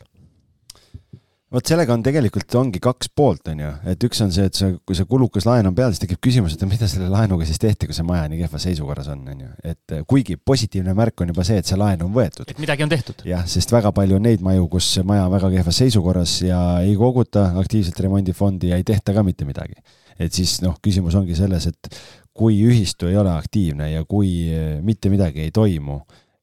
kas või miks sa peaksid tahtma sellisesse majja omale korterit osta, kus sa tead, et see seisukord võib viie või kümne aasta pärast olla kardinaalselt veel palju hullem, et et võib-olla siis peaks ikkagi nagu edasi otsima. no vot, kas korteriühistu on, on aktiivne, kui ma nüüd kodu otsin, kas tuleks teha ikkagi see ise see kõne ka näiteks korteriühistu mõnele juhatuse liikmele, kes räägiks ausalt kõik asjad ära või tuleb uskuda maaklerit ja müüjat? Mina ütlen, et maaklerit võib usaldada, aga kui maakler on eeltöö ära teinud. kui jah? maakler on eeltöö ära teinud ja kui see informatsioon, mille sa maakleri käest saad, äh, on ammendav sinu jaoks ja, ja annab sulle nagu selle kindlustunde, et sul on kogu info olemas aga kui sulle tuleb vastuseks, et äh, noh, me ei tea ja täpselt ei tea ja peaks uurima ja ja noh, midagi neil on vist plaanis ja noh, et et kui sa saad mingi ümmarguse vastuse, et ehk et on näha, et ei omanik ega, ega maakler ei tea, siis äh, noh, topelt ei kärise, et selles mõttes jah, nagu kuna see ei ole sokipaari ostmine, mida sa iga päev teed, siis äh, pigem miks mitte üks telefonikõne teha. kas keldri magistraalid on vahetatud? kolmekümne aasta tagant tuleb vahetada, on äh, algis meil siia kirja pannud, mis asjad on keldri magistraalid? noh, selles mõttes tegelikult on äh, kui me räägime lihtsalt majatorudest, üldisest kanalisatsioonitorud, äh, mingid äravoolutorud, asjad, et tegelikult äh, ma arvan, et see ei ole võib-olla nüüd nagu nii oluline, aga lihtsalt üldiselt tegelikult majatorustiku kohta lihtsalt küsida, et kas noh, üks asi on see, et, et omanik on äh, korteris torud, uued torud pannud, aga küsimus on seesama, mis ma enne rääkisin, et kas püstakud on vahetatud, kõik see pool, et võib-olla see natuke duubeldab lihtsalt seda, seda teist asja. Siis äh, peaks küsima, kui suured on äh, suvised ja talvised kommunaalid, et kui sa kommunaalide arvet vaatad, et äh, mida sinu nii-öelda treenitud ja professionaalne silm seal kohe ära tabab, et kui me just võtamegi need erinevused näiteks suve ja talve vahel? tead, sellega on niimoodi, et see kommunaalide teema on nagu hästi keeruliseks läinud, et viimase aastaga siin nüüd energiahindade kallidusest tulenevalt ja Euribori tõusust on tegelikult see kommunaalide asi kõik nii pea peale keeratud, et see, see, millised on suvised ja talvised kommunaalid nagu äh, see on nagu Eesti Loto umbes selline no, selline seal, kraabi ja võida või? jah, et seal on nagu niimoodi, et mingites uusarenduste korterites ta peaaegu et nagu ei kõigugi, et ta on nagu suhteliselt sarnane, kui sul on vesipõrandaküttega mingid korterid ja asjad, sellepärast et noh, sul on see küte on mingil määral ikkagi peal kogu aeg, on ju, et äh, suveks teda nagu päris välja ei lülitata. samas on jälle see, et kui sul on äh, mingid elektriküttega korterid näiteks on ju noh, siis sul võib-olla seal talvel võib olla, ma ei tea, kakssada eurot ja suvel on kakskümmend eurot on ju elektriarve, et noh, et et selles plaanis nagu ta on oluline, et tegelikult pigem oleks nagu mõistlik, mina tavaliselt küsin ka korteriomanikelt, küsin näiteks aasta kommunaalarved ja ma sealt panen need Excelisse kõik. ja, ja võtta keskmine, jah? ja võtan keskmise, et siis tekib sealt nagu see arusaam ja, ja seda on ka hea klientidele öelda. ja no ma ütlen täna niimoodi, et äh, selline väga hea maja täna Tallinnas on selline, kus kommunaalide aasta keskmine jääb kolm eurot ruutmeeter umbes, et niisugune äh, tavapärane on see, et ta jääb sinna kolme poole tuuri ja kui ta on juba üle nelja äh,, siis võib-olla see on nagu kallis, et siis on midagi, ongi kas mingi suur laen on peal või, või on seal mingid muud põhjused või on kehva maja, et kaks asja. Äh, kui nüüd äh, mul on äh, välja valitud ideaalne kodu, kõik muu sobib, aga kommunaalid on keskmisest kõrgemad või siis no, no ongi kõrged, et mida teha? no kui kommunaalid on kõrged, siis küsin... kas jätta ostmata selle tõttu? no mina ütlen, et ostmata ei pea jätma, et selles mõttes on ähm, noh, kodu,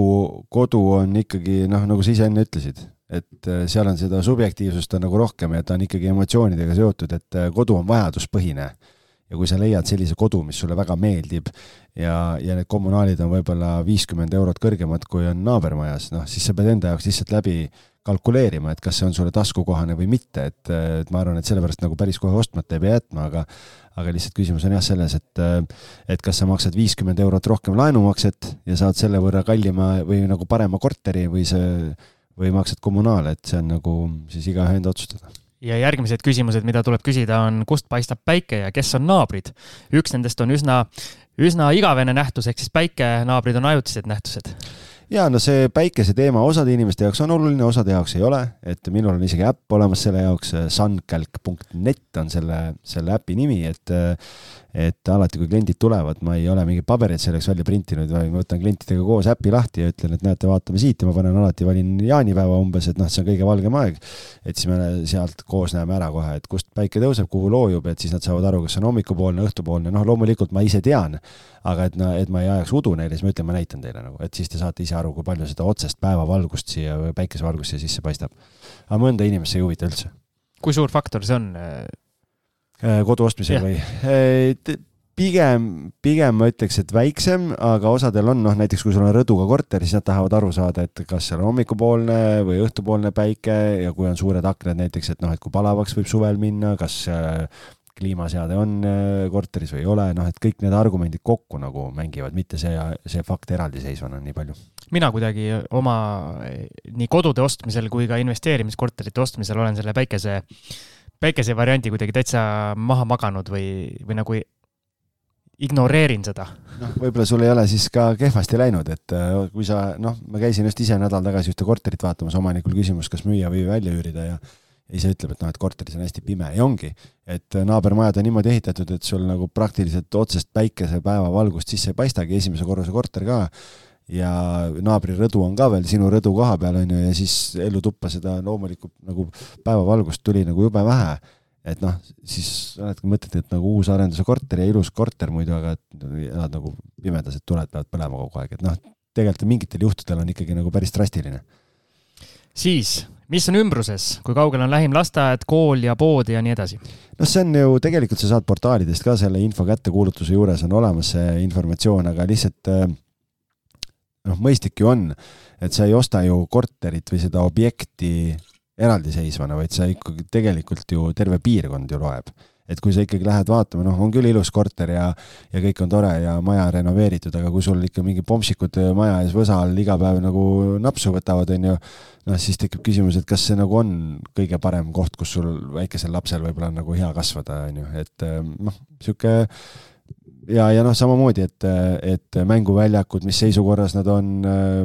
kui mõnus see piirkond on, kui vaikne ta on, kas sealt on mõnda läbisõitvat teed või ei ole noh, kõik, kõik sellised asjad, et tegelikult sa ju tervikuna muidu ostad korteri ära ja pärast lähed ja vaatad, et okei okay,, et noh,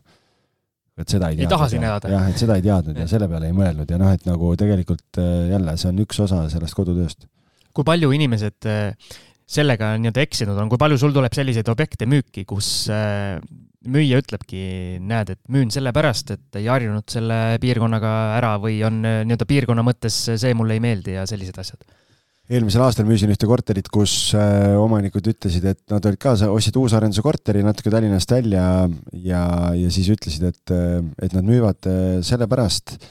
et nad ei arvestanud ikkagi nagu logistikat lapse lasteaiaga seoses ei arvestanud läbi, et kuna mõlemal on kontorid on kesklinnas, lapse lasteaed on seal lähedal, siis äh, üsna problemaatiline kuskil poolest päevast äh, tulla ära, võtta laps lasteaiast, noh, mingid asjad, et äh, ja, ja ütlesid, et, et sellest tulenevalt lihtsalt, et enda elu on liiga keeruline, siis kolitakse linnale lähemal tagasi.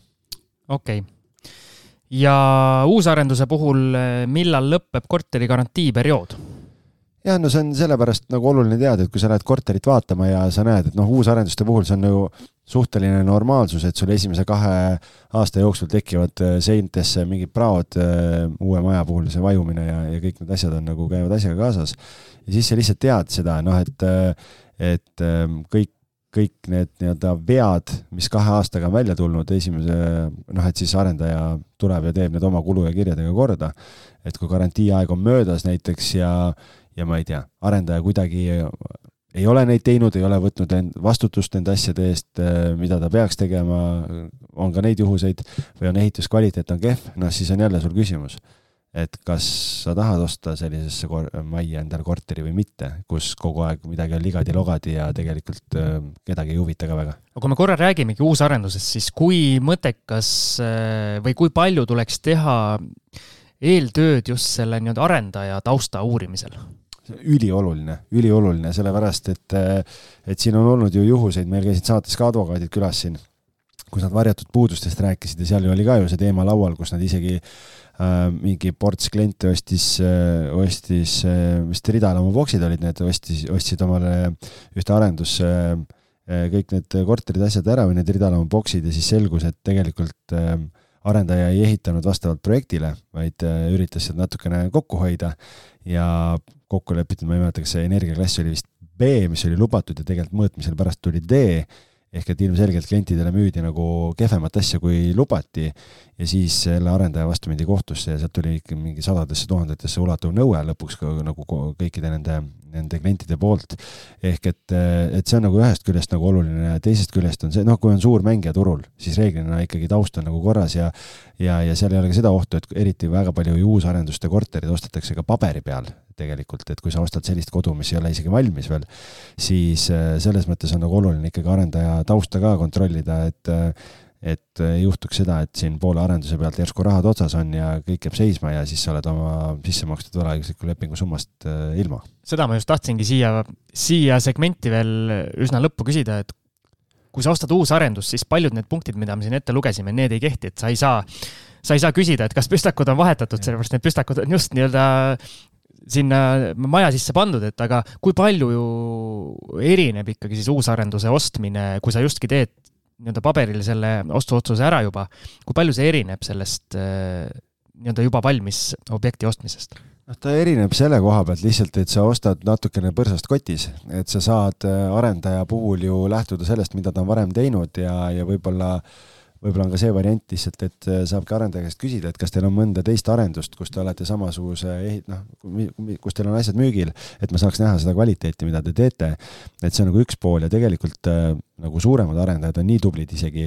et äh, nendel on, osadel on showroom'id olemas, kus nad kutsuvad su kohale, sa saad ise valida äh, noh, me ka ju üks võlaõiguslik leping tehtud, aasta lõpus saab valmis, käisime arendaja juures kontoris, kõik asjad olid alates köögist, erinevatest materjalidest, lülitid, valgustid, kõik asjad, sa saad kõiges kaasa rääkida, kui sa õigel hetkel nagu platsis oled.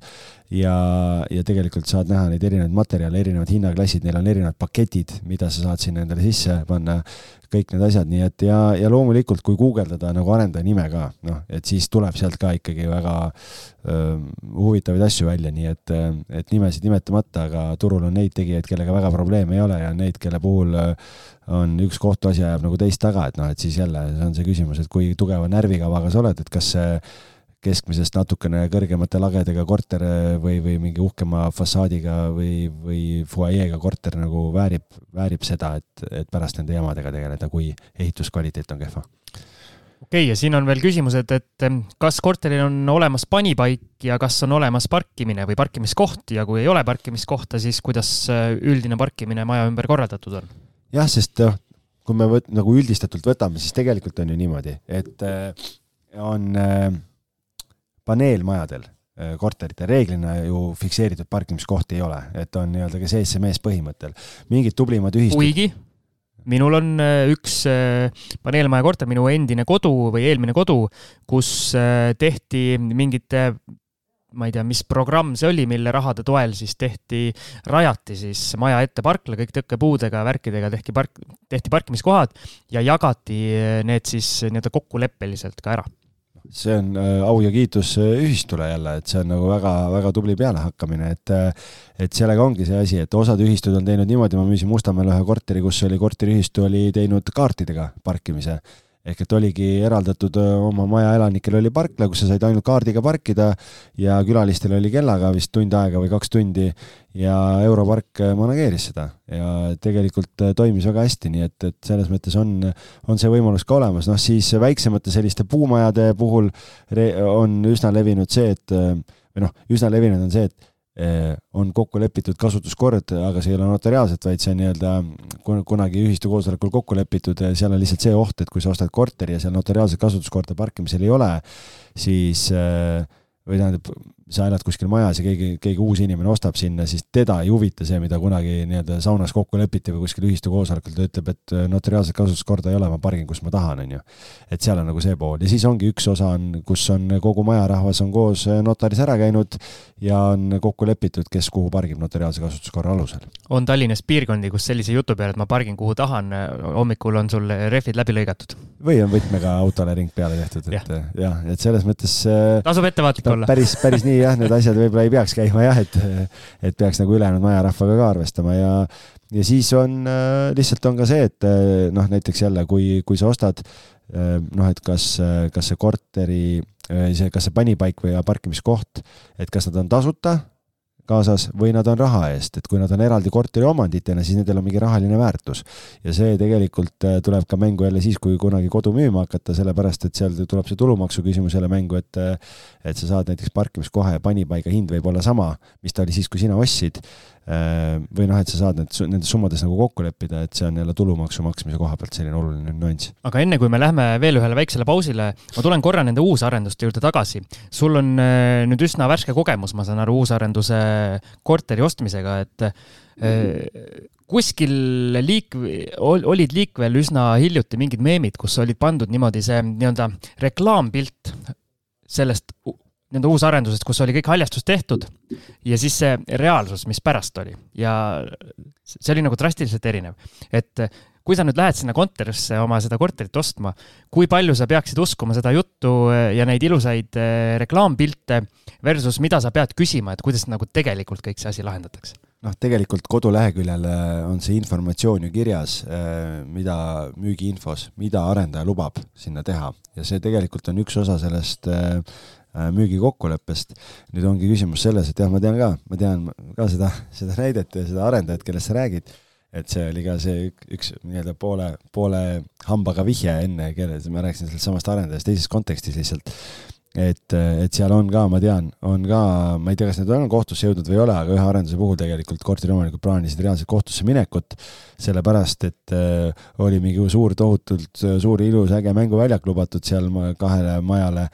ja lõpuks oli üks kiik oli hoovis, et eh, noh, et eh, siis äh, olid ka seal lapsevanemad olid tagajalgadel, et ega ega seal ongi see, et jälle tuleb selle arendaja käekirja vaadata ja sõita läbi, vaadata koduleheküljed, mis arendusi nad veel on teinud ja minna ja vaadatagi, mis, milline see elukeskkond siis on, et kuidas ta nagu välja näeb. okei okay., ma arvan, et teeme siia veel väikese pausi võtame veel ühe lonksu lumiorava vett ja siis oleme kohe tagasi. kinnisvarasse investeerimine ei pea olema raketiteadus, aitame sind alates esimesest sammust kuni lõpptulemuseni välja. One Estate kinnisvara, investoritelt investoritele loodud kinnisvarabüroo. vaata lähemalt www.onestate.ee. ja väike paus on üle elatud ja kui me eelmises selles pikas osas olime kohas, kus vastas äh, algis küsimustele, et mida mida uurida siis müüja või müüjat esindava maakleri käest kohapeal olles, siis mida kohapeal nüüd teha, kuhu käed ise külge panna, mida kontrollida, kas töötab, kas ei tööta, mis need kõige tähtsamad asjad on? no ma küsin sinu käest siis, kui sina lähed korterit vaatama, mida sina teed näiteks mida sa, mida või keda sa katsud? üks asi, mida ma nüüd olen hakanud tegema, kuna ma sain üsna valusad vitsad, ma olen hakanud kontrollima aknaid kas, kas käivad korrektselt või mitte, sest ühel üsna alguses, minu kinnisvarainvestori teekonna üsna alguses ma ostsin objekti, kus lõpuks tuli välja, et üks aken ei töötanud reaalselt. või ütleme nii, et nagu töötas, ta lahti tuli, aga ta ei läinud kinni enam tagasi korralikult, ehk siis oli katki okei okay,, et seal ongi küsimus, et kas on vaja reguleerida või on vaja aknaid vahetada. seal oli päris katki ikka, jah. kui on vaja aknaid vahetada, siis see on päris suur kulu mm -hmm. ja et selles mõttes see on nagu väga hea point, et äh, no mina samamoodi soovitaks seda, et vaadata uksed ja aknad üle, et äh, kas sulguvad normaalselt, äh, krigisevad, kuidagi ära vajunud, noh, mis iganes, et et see on nagu päris selline oluline osa, aknad muidugi on suurem kulu. no krigiseva ukse pärast ma ei soovita nüüd korterit ostma no,. ma ei mõtle päris krigisevat, aga vaata, kui sul on mingi vana puumaja näiteks ja sul on mingi puidust uks ja käib, käib vastu jah, et ta on nagu täitsa nagu ikkagi näed, et noh, et see on oma aja ära elanud, et see on nagu võib-olla see küsimus nagu, mida ma rohkem silmas pidasin, siis mul näiteks oli üks juhus, kus kus klient tuli korterisse, naisterahvas esimese asjana ütles tere esimese asjana läks vetsu, ma mõtlesin, noh, et kas nüüd lõi põhja alt ära või mis see on, aga läks esimese asjana, lasi äh, vetsupotist vett. et kas on mõtet üldse edasi vaadata, et kas vett tuleb? ütles, et oh, normaalne surve. normaalne korter. et ma elan, äh, ma küsisin kohe, et noh, et kas võime notari aja paika panna ja ta ütles selle peale, et ta, et ta elas kuskil äh, üheksakordses või kuueteistkordses majas neljandal korrusel ja ütles, et veesurve nii nõrk, et niriseb, vesi reaalselt niriseb ja nii duši alt kui, kui vetsupotis. ja ta ütles, et, äh, et äh, lihtsalt nagu see on niisuguse trauma tekitanud talle, et ta esimese asjana läheb igale poole, kontrollib veesurvet ja kui on hea surve, siis kohe rõkkab rõõmust. küll äh, kahjuks temaga notarisse ei jõudnud, aga. aga vähemalt veesurve oli olemas. jaa, aga see oli olemas, jah. okei okay,, lased vee, WC-potist vee peale, kontrollid ilmselt siis kraanidest ka, kas ikka vett jookseb hinda korteri niiskust on sul kirja pandud, et eh, mismoodi ma seda hindan? no see on eh, jälle selline üks näide on see, et ma ei tea, kui palju sina oled seda näinud, aga näiteks klassikaline nähe, mis on paneelmajades, on see, et, et on aknad ära vahetatud ilma tuulutusklappideta aknad on, äh, igasugune ventilatsioon puudub ja siis tõmbab higiseks nii-öelda. tõmbab higiseks ja siis pestakse veel pesu, pannakse pesuresti peale kuivama ka, aknad on kogu aeg märjad äh, ja see tekitab rõskust ja võib tekkida hallitused ja asjad ja hallitus on organismile väga-väga kahjulik, nii et, et selles mõttes see on, on selline päris oluline teema ühesõnaga, kas siis vaatad lihtsalt, et aknad ei higistaks või? noh, see on, see on jah, üks variant, et ega sul muidu on nagu keeruline kontrollida, kui sa seal viisteist, kakskümmend, kolmkümmend minutit oled, ega sa niimoodi aru ei saa, aga selle no kui on mingi sa... suur probleem, siis tunnetab ikkagi ja, ära. sa tunnetad kohe ära ja kui sa lähed korterisse, et kuidagi nagu sihuke noh, saunatunne ei ole õige, aga noh, selline lõhna järgi või, või sellise, sellise oleku järgi saad aru, aga jah, et reeglina eriti talvel just sa näed akende järgi ära selle, et kui aknad, äh, aknad on märjad seestpoolt, siis on mingi probleem. aga äkki siis lisada meie eelmisesse segmenti, et küsi müüja käest spetsiaalselt või siis maakleri käest spetsiaalselt üle, et kuidas siin äh, kõik see nii-öelda õhutus on, äh, on organiseeritud, et kas kõik töötab, et kas aknad nii-öelda talvel higistavad ka, et kas on selliseid probleeme? Ja et tegelikult selles mõttes isegi on nalja visatud, et ega need äh, Vene aja aknad ei olnud äh, üldse halvad, et need olidki kehvasti tehtud, aga vähemalt õhk käis läbi, onju, et siis oli, oli kõik oli korteris oli korras. no kui küte oli tasuta käes, siis miks mitte? no just, just. õhku kütta. nii, äh, võimalusel külastada õhtusel ajal või siis, või siis kui käid just nii-öelda pimedas vaatamas, siis võimalusel külasta ka valges, eks? ja just, et noh, see õhtune aeg on just sellepärast, et tegelikult noh, kui päeval minna korterit vaatama, siis äh, ongi ju vaikne. naabrid on tööl. jah, kuigi seal võib olla ainukene asi, mis on see, et kui naabrid on tööl ja kellelgi on koer, et äh, see haugub. see võib haukuda sul seal päev otsa, et noh, siis on kohe jälle küsimus sulle, nii et kui kui siin keegi päev otsa augub ja sinu töö on kodukontoris näiteks on ju noh, et kui mõnus seal nagu elada on. kusjuures see jäi meil eelmises segmendis äh, isegi vist äh, nii-öelda näpp peale panemata, et naabrite puhul äh, uuriga, kas on loomi, eks. ja just, et koduloomade kohta küsida ja et üks asi on, et küsida naabrite kohta, see oli meil jah, et kes on naabrid, seda on oluline teada jälle sellepärast, et, et kui sul on mingi Äh, Mustamäel Mati töö või hobi on äh, hobuste kasvatamine korteris. Või, või hauaplaatide graveerimine, siis äh, päev otsa keegi sul seal mürarikast mingit toimetust kodus teeb, ma ei tea, mul on ämmal ja äial vahepeal sattus majas olema, suure, hästi suures majas elavad, sattus olema mingi mees, kes, kellel kogu aeg oli vaja midagi puurida või noh, tekkiski niisugune tunne, et midagi äkki ta oli hambaarst? no ei tea, noh, et ühesõnaga siis ta pidi ikka väga, väga tugevate tööriistadega seda tööd tegema, et, et tunnen klientidele kaasa. aga et kogu aeg nagu puhkehetkedel ka kogu aeg mingi mürin ja värin ja sihuke noh, mööda nagu paneele jooksis nagu sisse. et selles mõttes ja miks see õhtune asi on selles mõttes ka veel oluline, et äh, eriti puumajade puhul on see, et noh, kui üks asi on küsimus on nagu läbikostvuses, et noh, kortermaja puhul seda eeldada, et sul midagi läbi ei kosta, on natuke naiivne, et see on natuke sinna sisse kirjutatud, aga kui on sellised äh, nunnud äh, kalamaja või, või Kadrioru või, või mis iganes piirkonna puumajad, siis äh, tihtipeale kipub nii olema, et sa kuuled üleval naabri liikumist päris hästi või teleka vaatamist. kogu äh, maja kõigub või? ei no, et ma olen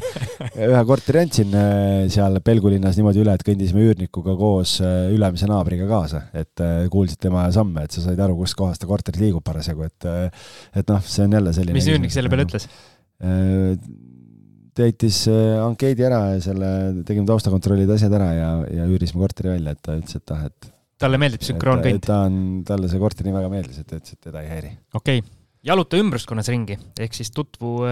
tutvu oludega. noh, seda me enne rääkisime ka juba, on ju, et, et mõistlik oleks nagu teada, et noh, et kui kuskil maja nurgas on süstlavahetuspunkt või, või mingi muu selline asi, noh, et siis jälle, et tulenevalt sinu enda närvi, närvikavast, et kas see on kõige parem variant või mitte okei okay,, nüüd emotsionaalne Siim Vaidast on leidnud endale Tallinna kesklinnas uue, uue kodu. põsed Taha, ühetavad. põsed ühetavad, tahaks juba, juba kolida, aga mul on nüüd korter välja valitud, mis ma teen enne, kui ma ikkagi päris kuskile allkirja annan? no tegelikult see esimene punkt on selline, mida võiks võib-olla teha ka juba enne, kui sa lähed korterit vaatama, küll selles mõttes on äh, kaks varianti, et äh, kontrolli korteri andmeid, ehitusregister on tasuta kättesaadav, et, äh, et vaadata üle, kas kuulutuses olevad ruutmeetrid klapivad sellega, mis ehitusregistris kirjas on, kas toalisus klapib, nagu ma enne ütlesin, et võib-olla on kolmetoalisest tehtud kahetoaline või, või kahesest ühene või ühesest kahene, et või kahesest kolmene. noh, näiteks jah, et neid variante on erinevaid, et et, et vaadata see üle ja siis teine variant on kinnistusraamatust vaadata järgi, aga kinnistusraamatuga on nagu see asi, et äh, seal on väike tärn on juures, et äh, tegelikult päris suvaliselt seal nagu nii-öelda kuidas ma ütlen, see on tasuline ja päris suvaliselt seal nagu lahmimas käia ei tohi, et lähed ja võtad kogu kogu äh, töö, töökaaslased kõik ridamisi ette ja kontrollid järgi, kes mis kinnisvara omab, et sul peab olema õigustatud huvi, kui sa kinnistusraamatusse päringut tegema lähed, et inimesel on pärast näha, äh, kes tema nii-öelda kohta uurimas on käinud ja tegelikult ta võib sinuga ühendust võtta ja küsida, et äh, mis alustel või põhjustel sa minuga ühendust võtsid ja sealt võib pahandus tulla, kui sul nagu reaalset põhjust ei ole, et et, et, et kui sa oled nagu, kui sa tahad korterit osta ja sul on nagu reaalne huvi, siis ma arvan, et see on nagu piisav selline õigustatud huvi Äh, seda kontrollimaks, aga, aga muidu niisama päris nagu teha ei tohiks, jah. ja siis, kui sa oled kõik need tohutult äh, pika küsimuste nimekirja eeskujulikult ära küsinud, millest me Siimuga siin oleme pikalt äh, jahunud, siis sealt sa tead seda, kas ja kui tugev positsioon sul on omanikule pakkumise tegemiseks, et kas seal annab hinnas rääkida või mitte ja, ja siis sa saad pakkumise teha, et mina koha peal kunagi pakkumist teha ei soovita. Siim, kuidas sinul on, kas sa teed koha peal pakkumise? mm,? pigem ei tee. ma ei tea, kas ma olen kunagi teinud. vist ei ole, kui ma ütlen ausalt. selle koha peal pakkumise tegemisega on see, et äh, sa võid kombata ja küsida lihtsalt maakleri või omaniku käest, et noh, et kui, kui kivisse raiutud see hind on, et kas, kas, äh, kas nagu pakkumist ka teha võib et, et, et siis, siis sa tead, aga noh, teine asi on see, et kui sa kuuled, et see on pärandvara või kõik need variandid, mis me siin enne rääkisime, et omanik on kohustus kaelas, millest ta tahaks lahti saada, siis sul võib-olla isegi ei ole mõtet seda küsida, vaid äh, et lihtsalt ütledki, et mul on huvi olemas, ma lähen koju, ma korra veel arutan läbi, vaatan üle äh, ja, ja siis ja siis teed pärast pakkumise, sest kui sa kohapeal teed pakkumise, siis seal omavahel hakata veeretama, et sa ütled, et noh, saja kolmekümnega on korter müügis, sa ütled, et noh, et sada kakskümmend viis tuhat ja, ja ma ostan ära,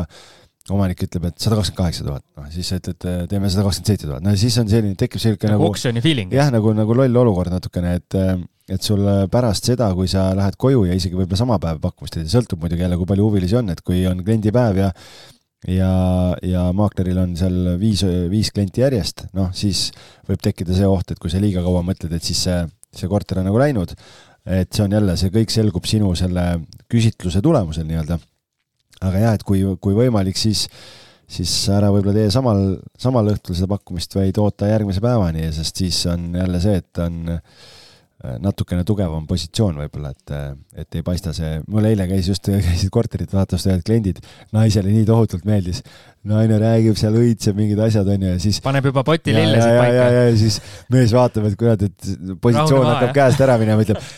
ei no siin on ikka mõned selged punased lipud on ka ikka, et äh, millest ei saa mööda vaadata, et nagu, et muidu mõtlesin, et noh, et pärast pole üldse nagu mingit jõuõlga, et, et saaksin mingit hinda rääkida, sellepärast et noh, et, äh, et kui ma näen ära, et kliendile väga meeldib, onju, ja ta väga tahab osta, siis noh,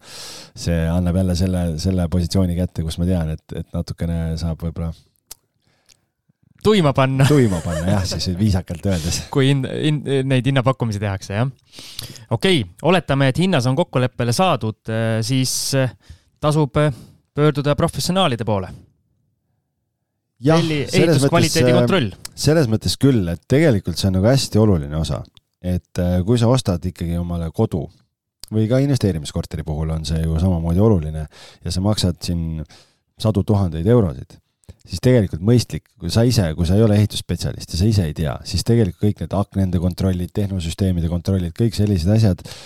tegelikult sa ei pea ise sellega tegelema, vaid selleks on spetsialistid olemas. meil on saates ka kahel korral külas käinud ehituskaitsebüroo, otsige need saated välja, ma praegu peast ei üsna alguses. jah,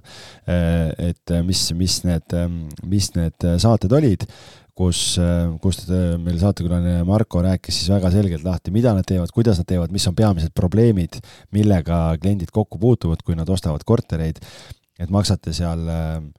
ma ei tea, kolmsada või viissada eurot või, või mingite suuremate objektide puhul natukene rohkem aga odavam on maksta see summa, kui pärast tegeleda tuhandete eurodega mingite jamadega, mis võib-olla sul enda korteri äh, külastusel nagu silma ei hakanud või sa ei osanudki neid asju kontrollida või olid lihtsalt selline äh, põsetõhetav äh, klient äh, nagu Siim, kes läheb ja, ja siis emotsiooni pealt ära paugutab koha peal. just, ja siis vajadusel räägi uuesti hinnast, ma saan aru, kui seal sellest nii-öelda eksperthinnangust tuleb äh, või ehitus, ehituskvaliteedi kontrolli hinnangust tuleb välja mingi suuremad puudused, äh, siis äh, võiks need siis müüjaga läbi rääkida, et võib-olla saab hinda veel alla. nojah, et kui seal on ikkagi näha, et midagi on nagu kardinaalselt valesti või ma ei tea. midagi tuleb kohe ette võtta no,. vannitoas on vaja põrand üles võtta, sellepärast et ma ei tea, põrand, aluspõrand on ära vajunud, mingid asjad ja sa tead, et sul noh, sa ei ole, ei olnud nagu arvestanud selle kuluga, siis ilmselgelt tuleb ju omanikule see tagasi põrgatada, et noh, et selles mõttes äh, nii palju, kui mina olen Markoga rääkinud, siis ta ütleb seda, et ehituskaitsebüroo ei, ei, tema ei võta kunagi poolt, ta ei ole ei müüja ega ostja poolt, tema on sõltumatu ekspert, tema tuleb kohale, tema kontrollib kõik asjad ära, selle põhjal tekib raport ja siis on lihtsalt küsimus, et noh, et mida siis osapooled selle infoga nagu peale hakkavad ja kuidas nad kokkuleppele saavad selles, et äh, aga sul on vähemalt mingi kindlus olemas, et kas kõik on hästi või on vaja mingid asjad äh, teha. ja siis on selline punkt, et sõlmi broneerimisleping, see on nüüd selline kontroversiaalne, on õige sõna või? Jah, elevant toas. ahah, lausa nii või? noh, selles mõttes, et äh, et selle ümber on ju nii palju sellist äh, spekuleerimist ja, ja diskussiooni. me oleme isegi oma saates korduvalt sellest rääkinud. jah, ehk siis, miks mina soovitan tavaliselt äh, sõlmida broneerimislepingu ära, kui sa leiad omale selle kodu, mida sa soovid osta, siis selleks, et notarisse jõuda, on vaja läbida, teha mingid sammud ähm, ja, ja selleks, et need sammud ära teha, ehk siis mis need sammud on? Äh, sul on hindamisakti vaja, pank peab tegema lõpliku otsuse ja sul on notari aega vaja, notaris on vaja ära käia ja broneerimisleping, lihtkirjalik broneerimisleping äh, on siis selline, mis äh, sõlmitakse müüja ja ostja vahel. Mõnikord on ta ka kolmepoolne, kus on ka maakler sees. mina ise kasutan kahepoolset varianti, kus siis on, on, lepitakse kokku selles, et müüja peatab müügi broneeri-, lepitakse kokku, mis on see tasu, see müügi peatamise tasu ehk broneerimistasu siis reeglina normaalne broneerimistasu kõigile teadmiseks äh, on selline üks koma viis kuni kaks protsenti müügihinnast. Äh, kui on üle selle, siis seda peetakse juba ebaproportsionaalselt kõrgeks. nii et, et selline poolteist protsenti on selline üsna tavapärane, et kui sa ostad saja tuhandest korterist, siis tuhat viissada eurot kuni kaks tuhat eurot on selline normaalne broneerimistasu. ja, ja siis kuu lepid seal broneerimislepingus lepivad pooled kokku, et et äh, ostja peatab äh, või müüja peatab müügi, ostjal on nii kaua aega siis äh, oma vajalikud protseduurid ära teha ja kui ostjast tulenevatel põhjustel tehingusse ei minda, siis broneerimistasu tagastamisele ei kuulu, sellepärast et see on nagu ostjale müügi peatamise kompensatsioon. ja see on nüüd see koht, kus tekibki see väga elav diskussioon ja kõikidel on erinev arusaam ja et, et kas seda peab tagastama või mitte. Ja ma arvan, et selle üle võib igavesti rääkima jääda, sest ükskõik kellega räägid, seisukohti on seinast seina ja, ja, ja seal on väga oluline ka see sõnastus Äh, kuidas see on sõnastatud ja nii edasi, et äh, sellest nagu järgmine variant on veel see, et äh, et lähed notarisse, teed võlaõigusliku lepingu, nii nagu uusarenduse puhul, aga seda täna turul tegelikult väga nagu ei praktiseerita, et ma saan aru, elevant toas on ka see teema, et äh, ikkagi vist üsna levinud on need nii-öelda broneerimislepingud, kus broneerimislepingus mitte ei, ei maksta siis selle õiguse eest, et müüja peatab müügi, vaid pannakse kirja ka hilisem ostusumma, ehk siis justkui broneeritaksegi, nagu see eestikeelne nimi ütleb, broneeritakse see objekt justkui endale selleks, et teha mingeid tegevusi, aga ma saan aru, see seadusega kooskõlas ei ole. jah, et tegelikult, kui sa paned selle, kui broneerimislepingus on ostu-müügisumma sees, siis see on oma olemuselt teistsugune leping hoopis ja, ja tegelikult siis jah, nagu see tegelikult ei on, noh, need on, see on nagu pikem teema, aga et üks on jah, seal on nagu oma olemuselt, üks on selline nagu broneerimisleping või nagu müügi eelleping ja teine on siis selline müügi peatamise leping, kus pooled lepivad kokku, et müüja peatab selleks, et ostja saaks äh, vajalikud asjad ära teha. okei okay,, mina nüüd panen ennast ostja kingadesse ja küsin sult väga konkreetse küsimuse. Äh, oletame, ma väga tahan seda korterit. Äh, müüja ütleb, et okei okay,, teeme broneerimislepingu, mina olen nõus oma müügi siis peatama, teeb kõik korrektselt. kuidas mina ostjana nii-öelda pean äh, vaatama, et kõik sammud saaks õigesti tehtud, oletame, meil on hinnas kokku lepitud, me ei saa seda hinda sinna nii-öelda broneerimislepingusse panna. kas ma pean siis vaatama, et see hind oleks kuskil kirjalikult meil kokku lepitud ja kui näiteks juhtub selline asi, kus äh, me teeme selle nii-öelda müügi peatamise lepingu ära, aga mingil hetkel tuleb siis müüjale ikkagi kuidagi uh, uus huviline, kes pakub talle rohkem mm. -hmm. nii. ja siis see müüja ütleb mulle, kuule paku sa, võtab tule nagu hinnast samale tasemele ja siis ma ikkagi müün sulle. kelle süü need siis on, kas siis peab müüja mulle ikkagi selle nii-öelda broneerimistasu justkui tagastama? see leping, mida mina kasutan, eh, mis advokaadid on kokku, kokku kirjutanud, on selline, kus, ehm, kus on sees selline punkt. esiteks on see, et eh, tavaliselt on nii, et kui sa nüüd tahad osta korterit, mida ma, mida ma müün, siis eh, lepingus seda summat ei ole aga ma kirjalikult fikseerin ikkagi ära, et, et summa, millega tehingusse minnakse, on selline. aga seda ei ole konkreetselt selles äh, broneerimislepingus, aga selle kohta peab olema kas mingi email või, või mingi märge peab olema nagu maas. et, et me oleme kokku leppinud, et, et et müügihind on sada kolmkümmend tuhat, aga me oleme kokku leppinud, et notarisse me läheme ja, ja not-, et tehingu hind on sada kakskümmend seitse tuhat. et see kokkulepe käib ikkagi koos selle broneerimislepinguga, aga eraldiseisvalt mm? -hmm, just. ja siis äh, kui, minu lepingus on selline punkt, et kui äh, tehing jääb ära äh, ostjast tulenevatel põhjustel, ehk et ostja ei, kokkulepitud aja jooksul ei jõua notarisse, siis raha tagastamisele ei kuulu, et see on kompensatsiooniks müügi peatamise eest äh, müüjale. Ja kui müüja rikub äh, lepingut ja näitab edasi korterit või, või lepib müügi kellegagi teisel kokku, müüb ära, siis tegelikult on ostjal õigus küsida müüjalt kompensatsiooni selle, selle summa ulatuses mida ta maksis, ehk et põhimõtteliselt, kui sa maksid kaks tuhat eurot broneerimistasu, siis sa saad küsida veel kaks tuhat eurot lisaks nii-öelda, nii-öelda endale. ehk siis kaks tuhat pluss kaks tuhat veel kompensatsiooni? okei okay., kui palju sa oled kuulnud turul tegeledes, kui palju selle isegi nii-öelda võib-olla tekstiliselt õigesti äh, paika pandud eh, broneerimislepinguga või üldse siis broneerimislepinguga, kui palju on neid probleeme olnud, et keegi ei tagasta, kes peaks tagastama, keegi nõuab raha, kuigi tal ei ole õigust nõuda, et kui palju neid, eh, neid kaasusi sinu kõrvu jõudnud on? aeg-ajalt ikka jõuab nii turul kuskilt suvalisest kohast kui ka oma tuttavate kaudu. et siin üks tuttav ostis maja, noh, oligi hea näide, ostis maja, maksis broneerimistasu ära ja siis selgus, et on ehitusvead ehk et müüja müüb asja, kehvemat asja, kui tegelikult kuulutuses oli lubatud, ehk et äh, olid mingid probleemid. ja siis mul tuttav ütles, et ta tahab äh, lepingust välja astuda või noh, et ta ei osta. ja siis talle öeldi, et aga siis see broneerimistasu tagasi ei saa, on ju. noh, mis ilmselgelt on pahatahtlik, et, äh, et sellisel juhul tegelikult on, ei ole see ostjast tulenev põhjus, vaid tegelikult on talle valetatud ja seal oligi selline lugu, et, et oli kolmepoolne leping ja see raha läks maaklerile et osa, osad teevad selliseid lepinguid, kus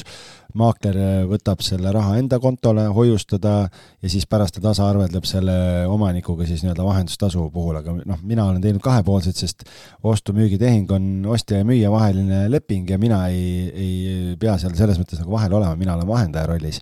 Et, et minu lepingute puhul alati ostja maksab äh, müüjale ja siis äh, lõpuks oli see, et äh, oligi noh, et seal läks asi ikkagi päris konkreetseks, kuni advokaatidega ähvardamiste asjadeni välja ja siis äh, lepiti kokku, et ta sai pool summat sai tagasi. aga ikkagi halb maitse suhu, sellepärast et tegelikult tal tõmmati nagu nahk üle kõrvade, on ju. et ja neid probleeme tegelikult jagub ja sellepärast ongi, sellepärast räägitaksegi noh, seda, et et noh, ongi see arutelu, et kas see siis on nagu juriidiliselt nagu vettpidav asi või ei ole. et noh, tegelikult, et kui te tahate olla kindlad, et tehke võlaõiguslik leping, aga lihtsalt see ei ole täna turul väga levinud, noh, ja aga samas ei saa öelda, et seda ei võiks soovitada, et kui te tahate tunda ennast kindlalt, siis leppige kokku, lihtsalt te peate arvestama võlaõigusliku broneerimislepingu puhul seda,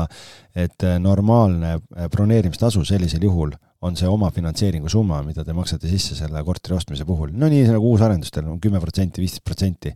et siis see on see, sest äh, võlaõigusliku broneerimislepinguga pooled äh, nagu panevad selle tehingu sisuliselt lukku ära, müüjal on kohustus müüa, ehk ta ei saa taganeda ja ostjal on kohustus osta ja ükskõik kumb osapool siis nagu tehingust välja astub, sellega seoses on sanktsioonid. okei okay., ja siis leppige kokku notari aeg. lihtne noh, selles mõttes on ta, on ta lihtne, et kui, kui äh, sul on pank, on, äh, kelle käest sa laenu võtad, siis pank tegelikult ähm, ju pankadel on oma püsiajad notaris ja pank reeglina pakub selle, selle aja. et äh, on ka muidugi ka teistsuguseid olukordi, kus pangad mõnikord on öelnud, et et noh, kuna mul on ka endal mingid, kuidas ma ütlen, lemmiknotarid, kelle juures ma kelle juures ma käin, on ju, kellega, kellega kõige kuidagi mõnusam või kuidagi alati lähed, et ta nagu noh, hästi sümpaatsed inimesed, et siis, siis lihtsalt ma olen ka palunud seda võimalust, et, et käia seal notari juures ja osadele pankadele see on okei okay,, aga see sõltub ka jälle sellest, et kui, kui ma helistan sinna notaribüroosse ja nad ütlevad, et meil on alles, ma ei tea, järgmine nädal pakkuda notari aega, siis ma ütlen, et kuulge, et pangale, et pakkuge ise mingi kaks aega ja et me saaksime kooskõlastada selle tehingu aja ja enne notarisse minekut või notaris käimist siis kontrolli üle, kas ehituskvaliteedi kontrolli käigus selgunud probleemid on kõrvaldatud, et äh, see peamiselt on nii-öelda uusarenduste puhul. jah, et äh, tegelikult on see nagu oluline jah, et kui, kui sa ostad uusarenduse korterit enne asjaõiguslepingut, siis äh, aegsasti peaks tellima äh, hoidma kätt pulsil, et millal korter hakkab valmis saama ja kui tahetakse hakata notari aega sättima, siis tegelikult peaks kutsuma ehituskaitsebüroo kohale äh, ja nad teevad kontrolli ära ja, ja siis, et enne notaris käiku saaks kohapeal käia, üle vaadata, et nad äh, need asjad ka ära teeks. Või siis, kui enne notaris äh, minekut ei jõuta seda ära teha, et notarilepingusse läheks sisse punkt, et äh, müüjal või arendajal on kohustus need kokkulepitud kuupäevaks ära teha. ja siis meil on viimane alamteema, et mida teha pärast notarit, aga enne kui me sinna läheme, ma lisaks, mida teha notaris. Ja notaris minu meelest kõige tähtsam on see, et valmistada ette ennast selleks, kõigest, millest sa aru ei saa või kõik, mis tundub natukenegi kahtlane, kõige kohta küsi notarilt. notar on seal selle jaoks, et kõik saaksid tehingust maksimaalselt äh, ühtemoodi ja, ja täpselt aru. see on väga hea, et sa selle tõid, tegelikult ja mida teha notaris, nüüd ongi küsimus selles, et te olete broneerimislepingud ära teinud, sul on hindamisakt on tellitud, hindamisaktist me ka muidugi ei rääkinud, äh, et hindamisakt maksab tüüppkorterite puhul selline paarsada eurot umbes. Äh, nüüd on isegi võib-olla. nüüd on võib-olla kallimaks läinud. kahesaja lõppu, jah. jah, et kahesaja, kolmesaja kanti peaks nagu arvestama. et, et kui, kui te nüüd lähete, kui te lähete notarisse, siis on jah, et kui tehingut vahendab maakler, siis reeglina on nii, et noh, reeglina, sest äh, näiteid on ka teistsuguseid, maakler saadab notarile tehingu memo, kus on kirjas siis ostja andmed, müüja andmed, mis objektiga tehingut tehakse, rahaline info, kuhu kantakse, mis summad kantakse, kõik see pool. Äh, ja notar siis selle info põhjal teeb äh, lepingu valmis üks päev enne reeglina, kui sa lähed notarisse, saadetakse sulle emaili peale see leping tutvumiseks ja nagu Siim ütles, tegemist on juriidikaga Äh, ja kuna, kui sa teed elus võib-olla ainult mõne üksiku kinnisvaratehingu, siis äh, ära üldse tunne kuidagi piinlikult või ära häbene, kõik asjad, millest aru ei saa, tulista notari laua taga välja. ja üks asi, mis kindlasti, ma tean, nii-öelda algajatele, tehingu tegijatele on selline ärevust tekitav, et kui sa saad selle lepingu mustandi, siis reaalselt see ongi mustand. seal on palju trükivigu tihti, seal on ka faktivigu tihti ja see ongi see dokument, millega alles notari juures hakatakse tööle. ehk siis notar hakkabki selles dokumendis, mille sina mustandina saad, hakkab samamoodi mingeid asju maha kriipsutama, juurde kirjutama, muutma, ehk siis see on see nii-öelda töö tegemise dokument, see ei ole mingi lõplik asi, millele sa lõpuks pead alla kirjutama. noh, seal on jah, notaril on juristid, kes seda tööd ju teevad ja ega nad ju iga kord nullist ei hakka seda kirjutama, vaid võetakse mingi vana blankett ette. minul on jäänud sinna ikka juhtub mõnikord. nii-öelda vanade objektide mingid, mingid infokillud, ehk siis on läinud nagu kahe info, tähendab kahe objekti info on nii-öelda segamini läinud, et mul ja. on nagu selliseid asju mustandis juhtunud, et. ja, ja tegelikult ongi, ongi see, et kui sa märkad erinevusi, et kui on, ma ei tea, et ruutmeetrid on valed või, või mis muu iganes info, siis samal, kui sa saad lepingu kätte ja sa loed läbi ja sul on mingid küsimused või kommentaarid, siis sa saad tegelikult sellele samale juristile, kes sulle selle kirja saatis, saad ka emaili teel vastata ja öelda, et ma märkasin selliseid vigu või selliseid asju, tekkisid sellised küsimused, et sa võid need küsimused juba ette ära saata ja siis, äh, kui sa saad nendele vastused kirjalikult, siis on tore, kui sa ei saa, siis sa saad kohapeal notarile öelda, et mul on see küsimus, see küsimus, see märkus ja, ja saate kõik läbi arutada, ehk et notar äh, on jällegi neutraalne osapool, kes hoolitseb selle eest, et see tehing saaks juriidiliselt korrektselt läbi viidud, nii et mõlema osapoole huvid oleks kaitstud. just. Äh, ja notari juures, millega veel peab arvestama, siis on notaritasu ja riigilõiv et äh, hea tavapärane turupraktika on see, et kui ei lepita kokku teistpidi, et et müüja ja ostja maksavad notaritasu viiskümmend, viiskümmend ehk et läheb pooleks see notaritasu ja tegelikult, kui sa tahad teada, kui suur see kulu sul on, siis tehi, pane Google'isse notaritasu kalkulaator ja sa saad sinna sin-, panna sisse tehingusumma, laenusumma ja siis ta arvutab välja selle notaritasu, siis selle notaritasu jagad pooleks. Ja, ja siis riigilõiv on nüüd sinuga ostja kulu, sellepärast et see on sinu enda huvides maksta riigilõiv nii kiiresti ära kui võimalik, et sest sellega äh, läheb äh, siis kinnistusraamatus muudetakse ära omaniku nimi, et, et sinu nimi tuleks sinna omaniku rea peale. tegelikult notaritasu tasub ka kohe ära, ära maksta või võimalikult kiiresti, sest minu meelest notar ei saada seda infot edasi, enne kui on notaritasu makstud või saadab? Äh, minu teada saadab küll, aga notari jah, ja notaris on ka see, et sa saad kohapeal maksta notaritasu või siis äh, nad saadavad sulle meili peale ja sa saad ülekandega ka maksta, et äh, aga jah, et noh, mõistlik on mõlemad ära maksta kohe, et siis on kindel, et kõik on tehtud ja, ja selle taha midagi ei jää. ja kinnistusraamatus siis neil on õigus kuni kolmkümmend päeva on see aeg, kus seda muutmiskannet teha, reaalselt see juhtub päevade või, või kuni nädala jooksul et ära siis ehmata, kui sulle tuleb postkasti kiri Tartu maakohtust, et, et siis kõik on hästi, siis äh, see on see koht, kus äh, saab tähistada, et sa oled äh, korteriomanik. aga pärast notarit saab ka tegelikult no, juba tegelikult, tähistada? tegelikult võid juba pärast notarit tähistada jah, ja, ja, ja nii, et see on see koht, kus, et kui on tehing tehtud, siis võtmeid veel kätte ei ole saanud, aga, aga sisuliselt ju tehing on tehtud. okei okay,, notarist on välja astutud, väike tähistamine, aga mis need järgnevad sammud siis äh, on, enne kui me päris äh, saame uues kodus hakata ennast mugavalt tundma? Äh, no tegelikult peaks kindlustuse ära tegema, et see on nagu oluline ja tegelikult seda kooskõlastatakse tihtipeale just notari laua taga, sest äh, et seda nõuab ka pank sinult, et nendepoolne kohustus on, et sa pead kindlustuspoliisi sõlmima ja, ja, ja seal on lihtsalt see, et kuna müüjal on ka tihtipeale kindlustus, siis notari laua taga lepitaksegi kokku, et mis kuupäeval müüja lõpetab lepingu ja mis kuupäevast siis ostja leping algab, sellepärast et kahte kehtivat lepingut samal objektil ei tohi samal ajal olla, sest siis võib tekkida probleem. just, ja siis on kuulus korteri vastuvõtmine ehk eh, vastuvõtmise ja üleandmise akt ja et seal nagu ilusate silmade ja, ja õhetavate põskede nahka ei tasu minna, et seal on ikkagi vaja paberi peal ära vormistada see, et, et see üleandmise vastutusakt on tegelikult ühel leheküljel koosnev asi siis, kus lepitakse kokku see selles, et te saate korteris kokku, sina ostjana vaatad korteri üle, selle üleandmise vastutusaktiga sa kinnitad seda, et sa oled üle vaadanud, sul ei ole pretensioone. et see oli sellises seisus, nagu notaris sai kokku lepitud? dünamiiti pole vahepeal visatud sinna ja, ja et kõik nagu klapib, siis sinna pannakse reeglina näidud kirja et, ehm, et pannakse see info ja võtmete info pannakse kirja ja, ja siis on seal kirjas reeglina ka selline punkt, et, et pooled on kokku leppinud, et müüja teavitab korteriühistut, et, et on toimunud omanikuvahetus, aga see ei, ei ole ka nagu no nii-öelda, ei pea olema selle lepingu osa, vaid seal võib olla ka kokkuleppeline, et kes ühistuga ühendust võtab ja teada annab, et Siim, kuidas sina teed, kas sa kirjutad ise ühistule? minul on vist tavaliselt ikkagi müüja kirjutanud ja nüüd viima-, viimane kord oli, me nagu arutasime sel teemal, siis ma lasin ikkagi nagu müüjal kirjutada ja ennast panna siis, enda meiliaadressi panna sinna külge. see ongi tegelikult tavapärane praktika, et, et, et nii ta, nii ta tavaliselt käib. just nii, ja vajadusel sõlmi siis uued eh, elektri- ja gaasilepingud. jah, et eh, noh, kui omanikule, see on jälle sõltub, on ju, et see kommunaalarvest tuleb välja, et kui, kui gaas ja elekter on ühistu arvel sees, siis sul ei ole vaja midagi teha. Aga kui on eraldi lepingud, siis on vaja endale uued lepingud teha ja see on tegelikult hästi lihtne, et kui sa kui sa teed, hakkad uut energialepingut või seda elektrilepingut sõlmima, siis tegelikult vanale omanikule läheb teavitus selle kohta, et soovitakse uut lepingut alustada ja tema saab enda lepingu ära lõpetada. mina olen isegi niimoodi lasknud teha, et äh, ma olen lasknud vanal omanikul ära lõpetada ja panna minu meili, et mina olen uus omanik, seal saab, selline lahter on kohe. et võtad üle nagu lepingu? ei, mitte ei võta üle, vaid siis tuleb minule meil, et seal, seal objektil lõpetati leping ära, palun kolmekümne päeva jooksul